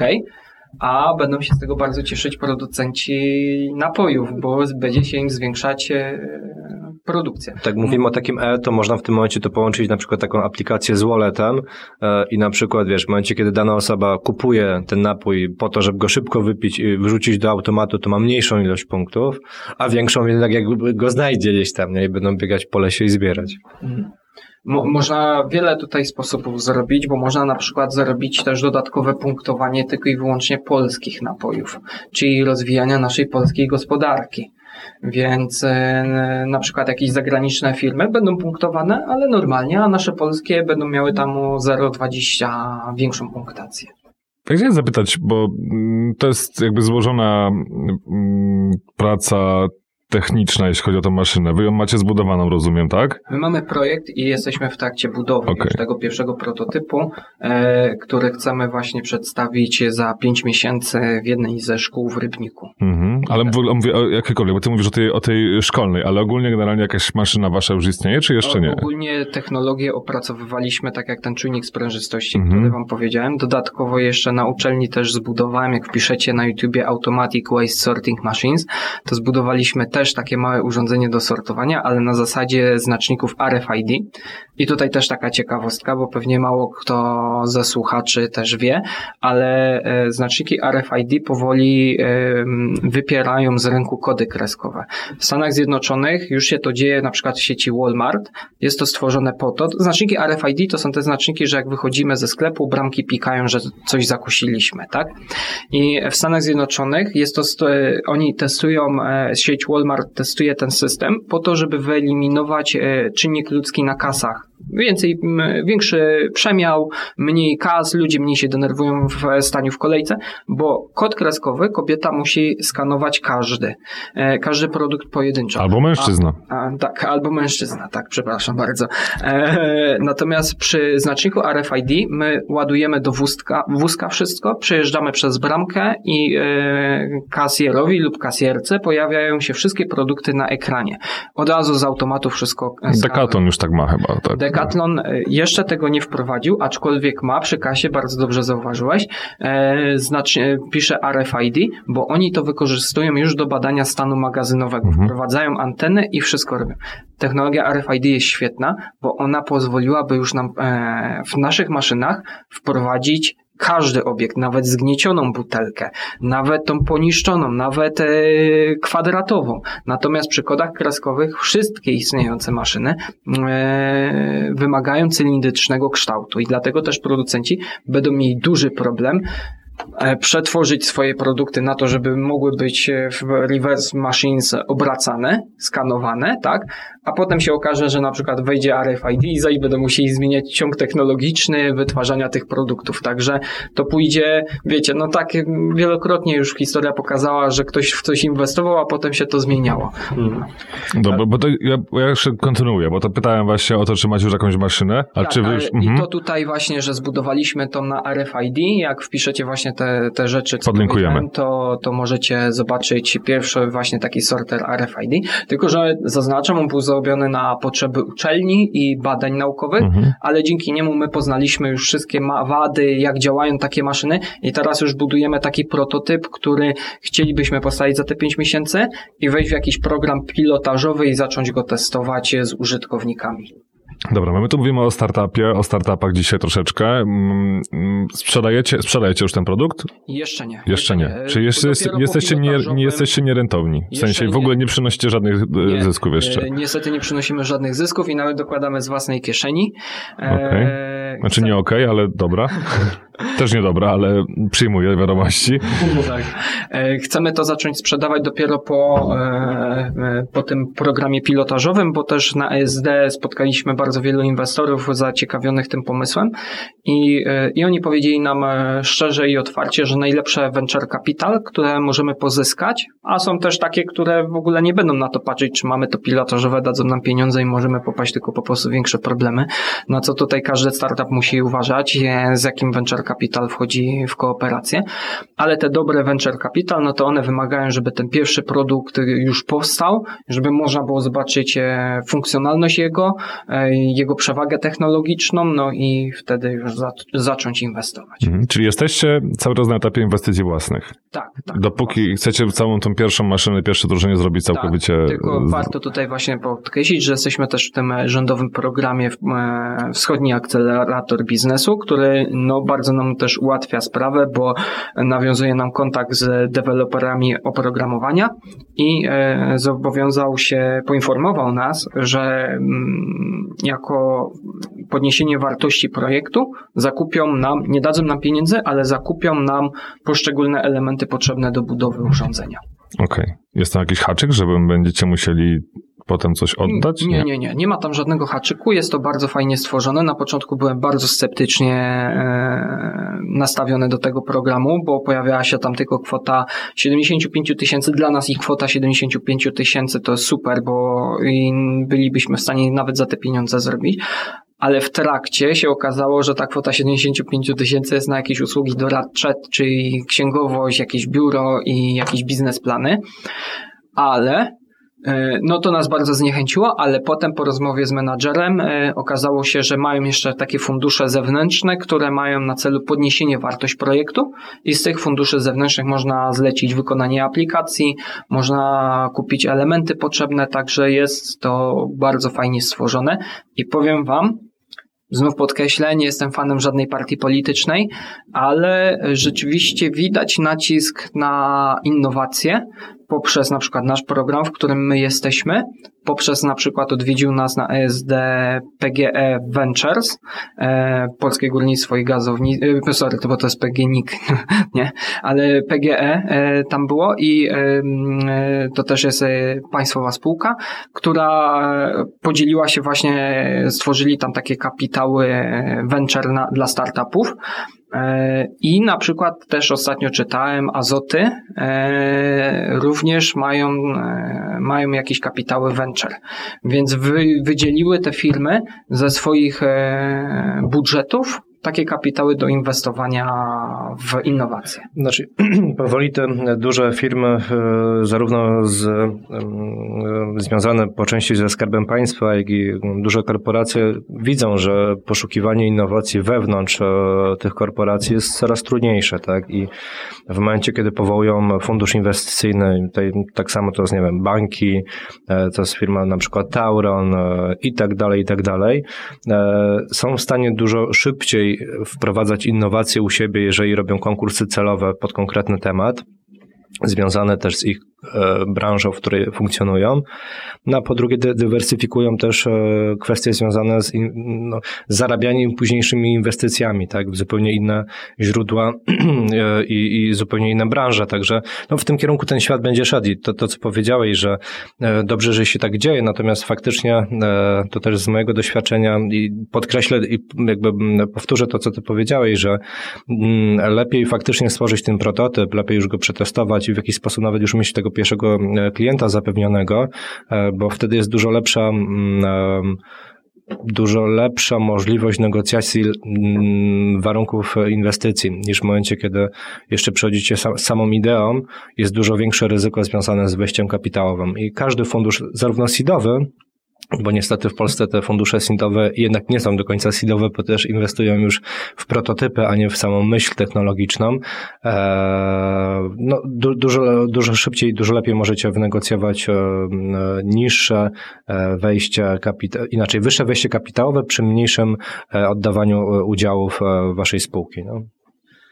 Zastanawialiście się nad crowdfundingiem? E, powiem ci, zastanawiałem się, ale no nie wiem, czy y, na pewno spróbujemy tego na jakimś, nie wiem, portalu, wspieram to. Na razie jestem w trakcie rozeznania. Jeżeli znasz jakiś dobry crowdfunding, który możesz mi polecić, to z chęcią po, e, zaznajomię się z jego ofertą, bo jak najbardziej też myśleliśmy właśnie, że tak naprawdę każde źródło finansowania naszego pomysłu no jest dla nas bezcenne. Dla nas powiem wam, że jest bezcenne w ogóle odwiedzenie naszego profilu na Facebooku, każdy like i share, żeby móc się przebić przez te szare maszyny, które najprawdopodobniej mogą zalać e, nasz kraj i nasze sklepy. Wiesz co, tak od- odpowiadając od razu, ja podczas ES- ESD prowadziłem mm, taką dyskusję, e, panel, taki panel dyskusyjny właśnie w ramach e, tematu crowdfundingu. E, Tam akurat był przedstawiciel BizFound, takiej platformy mm, crowdfundingowej, crowdfundingu inwestycyjnego konkretnie. E, No i na pewno jeden z przyszłych odcinków e, będzie poświęcony tej tematyce, bo też mamy nadzieję, że uda nam się e, kogoś, jakiegoś gościa sprowadzić, kto no właśnie już skorzystał z tej, z tej metody. No tak, natomiast tutaj trzeba by było bardziej strzelić pod jakąś konkretną grupę docelową, tak, czyli na przykład właśnie tych graczy, gdzie na pewno jest to duża ilość e, osób, e, no i znów pod konkretną grę, tak, i zrobić w jakiś sposób e, zrzutem, można powiedzieć, na, na wasz projekt. No ja tutaj nie wiem, czy to jest dobry projekt pod crowdfunding, czy to nie jest za droga maszyna do takiego finansowania, bo to nie chodzi tylko, żeby to powstało, tylko żeby osoby, które coś wpłacają, otrzymały, prawda? Więc tutaj...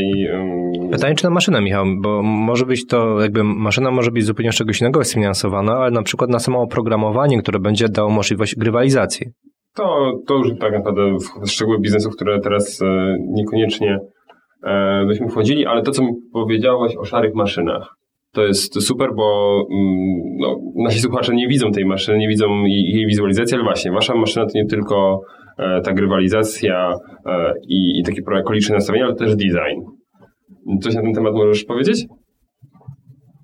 E, Oczywiście design to połączenie designu pewnej doniczki, którą zobaczyliśmy na Pinterestie i e, nowoczesnego, nie pamiętam, chyba pudełka na kasety. O, Piotr, Piotr jak się Dla tutaj Piotra. ożywił. Tak. Piotr się oderwał od Candy Crush Saga właśnie. Gdzie? Jakie? Jakie kasety? Co? Gdzie kasety? Połączyliśmy wszystko, także staraliśmy się właśnie zrobić ten design w taki sposób, żeby budził emocje, ale żeby on, prócz tego, że może niektórzy starsi użytkownicy mogą się go bać, urządzenie jest bardzo proste, e, posiada wlot na obiekty e, w takim miejscu, że mm, użytkownik każdy poradzi sobie bezproblemowo z e, obsługą tego urządzenia. Nawet starsi użytkownicy nigdzie nie będą musieli nic naciskać, nic klikać, jedynie po prostu, że chcą odzyskać kaucję, zaakceptować tam naciśnięciem jednego guziczka, otrzymać wydruk i w sumie koniec. Będzie tak proste jak wiadomości na TVP. Przedsiębiorcy z wyboru. Podcast dla naznaczonych biznesem. To wracając jeszcze tylko na chwilę, e, odpowiadając Tobie, Michał, na ten crowdfunding, e, nie każdy crowdfunding jest związany z tym, że musisz coś dać. To jest tak zwany crowdfunding donacyjny, mm, a jest też inwestycyjny, w którym normalnie oddajesz kawałki udziałów, e, więc jak najbardziej pomysł pasuje również do tego rodzaju inwestowania. No i pewnie o tym w jednym z następnych odcinków pogadamy więcej. Ja bym chciał dowiedzieć się jeszcze jednej, jedną rzecz, bo ja, jak mam tylko okazję ludzi, którzy są z branży startupowej, to próbuję pytać i tak sobie zbieram te odpowiedzi. Może kiedyś sobie jakąś tyle odpowiedzi, że będę mógł je zmiksować w jedną odpowiedź. Kiedy dla ciebie startup przestaje być startupem? E, dla mnie startup przestanie być e, startupem w momencie, jak my już e, rozpoczniemy pierwszą sprzedaż. Jak pokażemy za 5 miesięcy na przykład nasze urządzenie i będziemy mieli już pierwsze zamówienia, mhm. które już nawet nie musimy mieć, myślę, pierwszego produktu, tylko wystarczy preorder że sfinans- będziemy, mieli, będziemy mogli wysadzić fakturę, sfinansujemy ją z faktoringu e, i wtedy zaczniemy produkcję, także myślę, że wtedy już jesteśmy po prostu przedsiębiorstwem, które produkuje. No, oczywiście tutaj cały czas jest ta kwestia finansowania, bo my nie mamy żadnych pieniędzy. My będziemy musieli się tu wspomagać Venture Capital, jakimiś programami Horyzont 2020, żeby tą produkcję rozpocząć, ale myślę, że e, dla mnie ogólnie startup to jest e, coś, co tworzy swój pomysł, ale jeszcze nie wchodzi w tą fazę sprzedaży. Myślę, że dopiero jak już e, sprzedajemy dany produkt, to już jesteśmy przedsiębior mm, przedsiębiorstwem, które oferuje towar na rynku i ten towar e, musi po prostu spełniać pewne, pewne regulacje. Takie na przykład nasze urządzenie będzie musiało spełniać dyrektywę maszynową i inne rzeczy. No, wtedy spełniając te wszystkie regulacje, produkując, sprzedając, no, już jesteśmy firmą, która która działa. I nie bierzecie pod uwagę żadnego pivota w międzyczasie, że będziecie, nie wiem, te maszyny odejdą trochę od tej grywalizacji, pójdą w jakimś innym kierunku, jeśli to się uda albo nie uda? Ja, jak mam za dużo wina, to przerzucam się na pivota. Czy o to chodzi?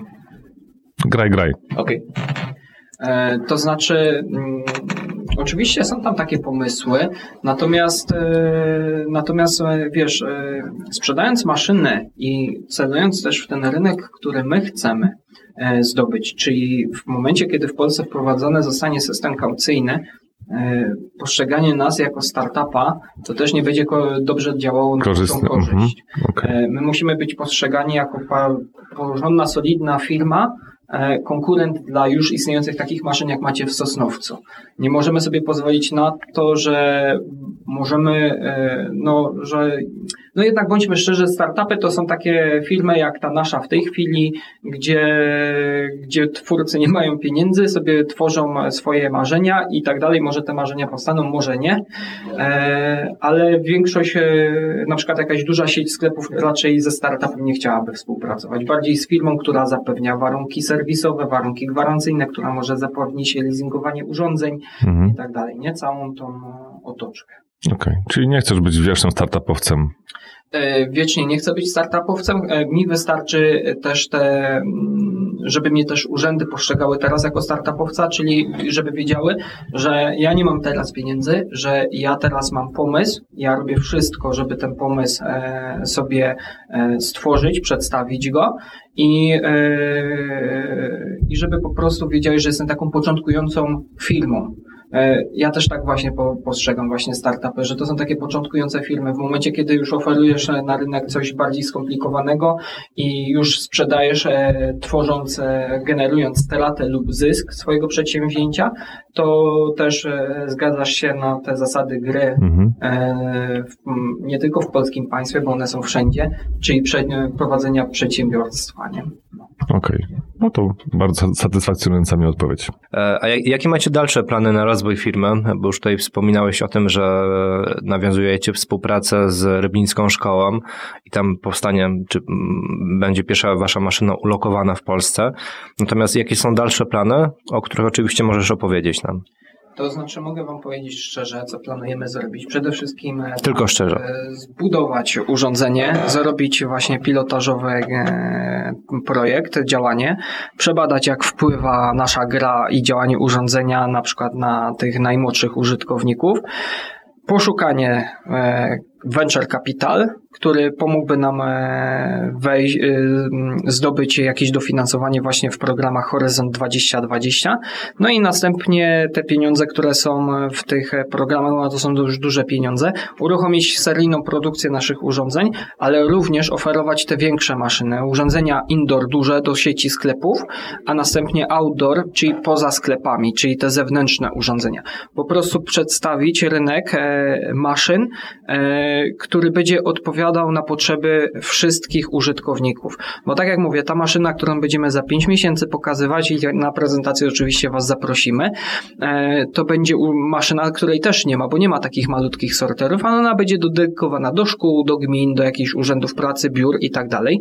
I tutaj jest też taki pomysł, żeby właśnie zdecydowaliśmy się, że ta maszyna pierwsza będzie pokazana światu, z tego względu, bo też w ramach tego programu inkubacji my prowadzimy rozmowy też e, z takim jednym e, z większych producentów e, oprogramowania w Polsce, ale do działów HR, grywalizacji.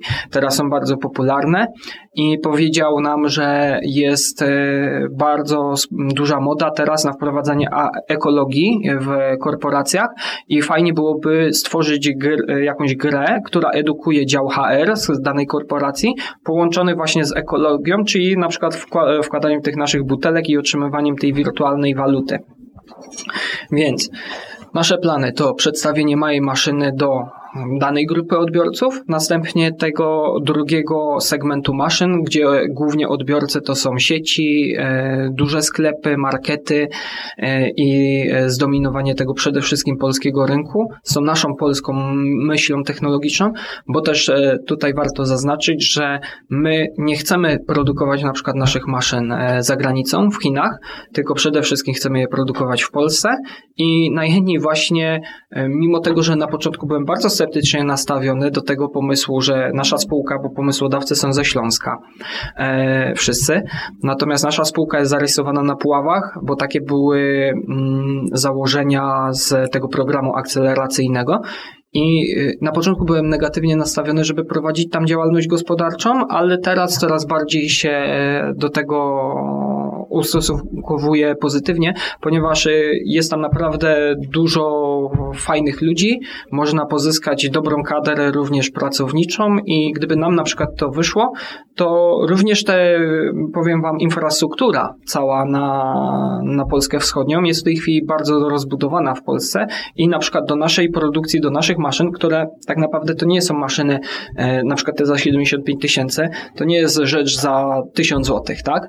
Tylko to jest 75 e, tysięcy jeżdżą na przykład trzy się takie zmieszczą na tira, więc to też się opłaca i ten transport i ta produkcja tam na przykład e, w tamtych regionach. Dla słuchaczy, którzy mają również e, różnego rodzaju innowacyjne projekty, to na pewno warto poszukać sobie właśnie informacji o różnego rodzaju platformach startowych, e, właśnie, które przygotowują Was do e, stworzenia prototypu, a później pomagają Wam go w jakiś sposób sfinansować, bądź też do Skylabów, tak? To jest kolejna jakby możliwość. Coraz więcej się pojawia środków, to też o tym mówiliśmy w jednym z odcinków, a także nic tylko kreować innowacyjne projekty, szukać odpowiednich odbiorców, zmieniać świat, e, no i wprowadzać je oczywiście na rynek. Przedsiębiorcy z wyboru. Podcast dla naznaczonych biznesem. Drodzy słuchacze, będziemy pomału kończyć, natomiast jednak zanim będziemy się zbierać do tego zakończenia tego odcinka, to jednak musi z tradycji stać się zadość i ja jestem strasznie zasmucony, że przez te dwie godziny, które tutaj siedzimy w studio, Piotr, nasz nadworny człowiek cytat, nic jeszcze dzisiaj nie zacytował, więc Piotrze, to nie może tak być. Będziemy tak długo siedzieć tutaj w studio, aż e, wywołasz jakiś cytat związany ja mam... z tematyką dzisiejszego odcinka. Paweł, ja, Musisz mam, no, Paweł, ja mam cytat. Jest ja mam jednak, okay. Zdecydowałem szczerze mówiąc, że nie będę go dzisiaj mówił, bo to jest... Cytat, Jak to? Dlatego, że e, no, ja tu prezentuję często stanowisko negatywne wobec startupów. Uważam, że większość startupów się nie rozwija. Ale słyszałeś, że tutaj y, Artur i spółka mają właśnie plan szybkiego wyjścia z, z ja wiem, definicji startupu, tak, tak? tak? ale y, kolega, który siedzi w, obok mnie, nasz gość, e, to jest absolutny wyjątek, tak? Wyjątek początek niestety potwierdza regułę. Większość startupów y, pada bardzo szybko. I... A to jest przysłowie, a nie cytat. No ale przecież już mam cytat, A, dążę do okej, niego. dobrze. Tak, nie chciałem, żeby pojawił się nic gruchy, nic z pietruchy. E, Freddie Mercury kiedyś powiedział, 10 lat temu znałem tylko trzy akordy na gitarę. Teraz, kiedy jestem gwiazdą w 1982 roku, znam trzy akordy na gitarę. I to jest generalnie to, co zauważyłem w startupach. Miesiąc po miesiącu nic się nie zmienia, one się nie rozwijają i padają. I gdyby to był Freddie Mercury, to daliby radę, ale niestety oni nie są gwiazdami, a często za gwiazdy się uważają. Tak jak sami powiedzieliście, wychodzi na scenę gość, który mówi, że jestem kolejnym Elonem Muskiem, czy jestem y, kolejnym Billem Gatesem. No oni nie są gwiazdami i w ogóle się nie rozwijają. W przeciwieństwie do ciebie. Mówię o gwiazdorstwie oczywiście. Z odcinka na odcinek coraz to nowsze cytaty. Ale cytaty coraz słabsze bym Nie był coraz powiedział. to nowszy, bo to z 1982 roku. Czyli się cofamy, Piotrze? Dobrze, to w takim razie, jeśli mamy już e, zapewnione wszystkie atrakcje dzisiejszego odcinka zgodnie z planem, czyli było o teście przedsiębiorcy, było o butelkach, e, było o podcastach, e, były cytaty, była karuzela śmiechu, karuzela biznesu, to w takim razie dziękujemy bardzo za uwagę. Pamiętajcie, drodzy słuchacze, żeby zostać na sam koniec tam. Dzisiaj też będzie dużo rzeczy wyciętych z naszego nagrania. Najlepsze smaczki z tego wycinania są na koniec. Również zachęcamy Was bardzo serdecznie do tego, żeby zostawić nam e, dużą ilość gwiazdek na iTunesie. Recenzje również, recenzje są bardzo ważne, ponieważ powodują, że nasz podcast jest coraz bardziej popularny. Więc jeśli chcecie, żeby inni bawili się równie tak dobrze, jak Wy się bawicie i my podczas tych odcinków, więc zapraszamy do, do zostawienia e, recenzji. E, No i na co? Na, na dzisiaj wszystko. Ja dziękuję bardzo i do usłyszenia za tydzień. Hej baby, mam tłusty startupy, hajs prosto do łapy. Chcesz znać te klimaty? Wbij do mnie do chaty. Zobacz jak się poczuję, znam wszystkie pozycje, bo pozycjonuję. Programuję twoje podejście. Od pudelka mam większe wzięcie. Nocy nie śpię, mam lepsze zajęcie. Projekt albo ciebie dopieszczę. Żarówka ci nad głową zabłysła Dzwonisz do mnie, mówisz mam pomysła. Byle nie portal z ogłoszeniami Ploteczkami czy seks randkami. Daj mi milion, już ci go zdradzam Za takie teksty to banem nagradzam Usuwam ciebie, nawet znaszki Nie dane nam będą, baby igraszki Pomysł to naprawdę niewiele Mam co dzień setki z moim przyjacielem Mnóstwo pracy przed komputerem Hawekiem, iPadem czy nowym Acerem Pisanie kodu to żmudna praca Grafik ciągle Przedsiębiorcy z wyboru. Podcast dla naznaczonych biznesem. Porady, studium przypadków, nowinki, analizy, dyskusje, rozmowy, opinie. Już pośmiali się wszyscy? Już rozładowane emocje? Dobra, już. To było wymuszone, Mariusz.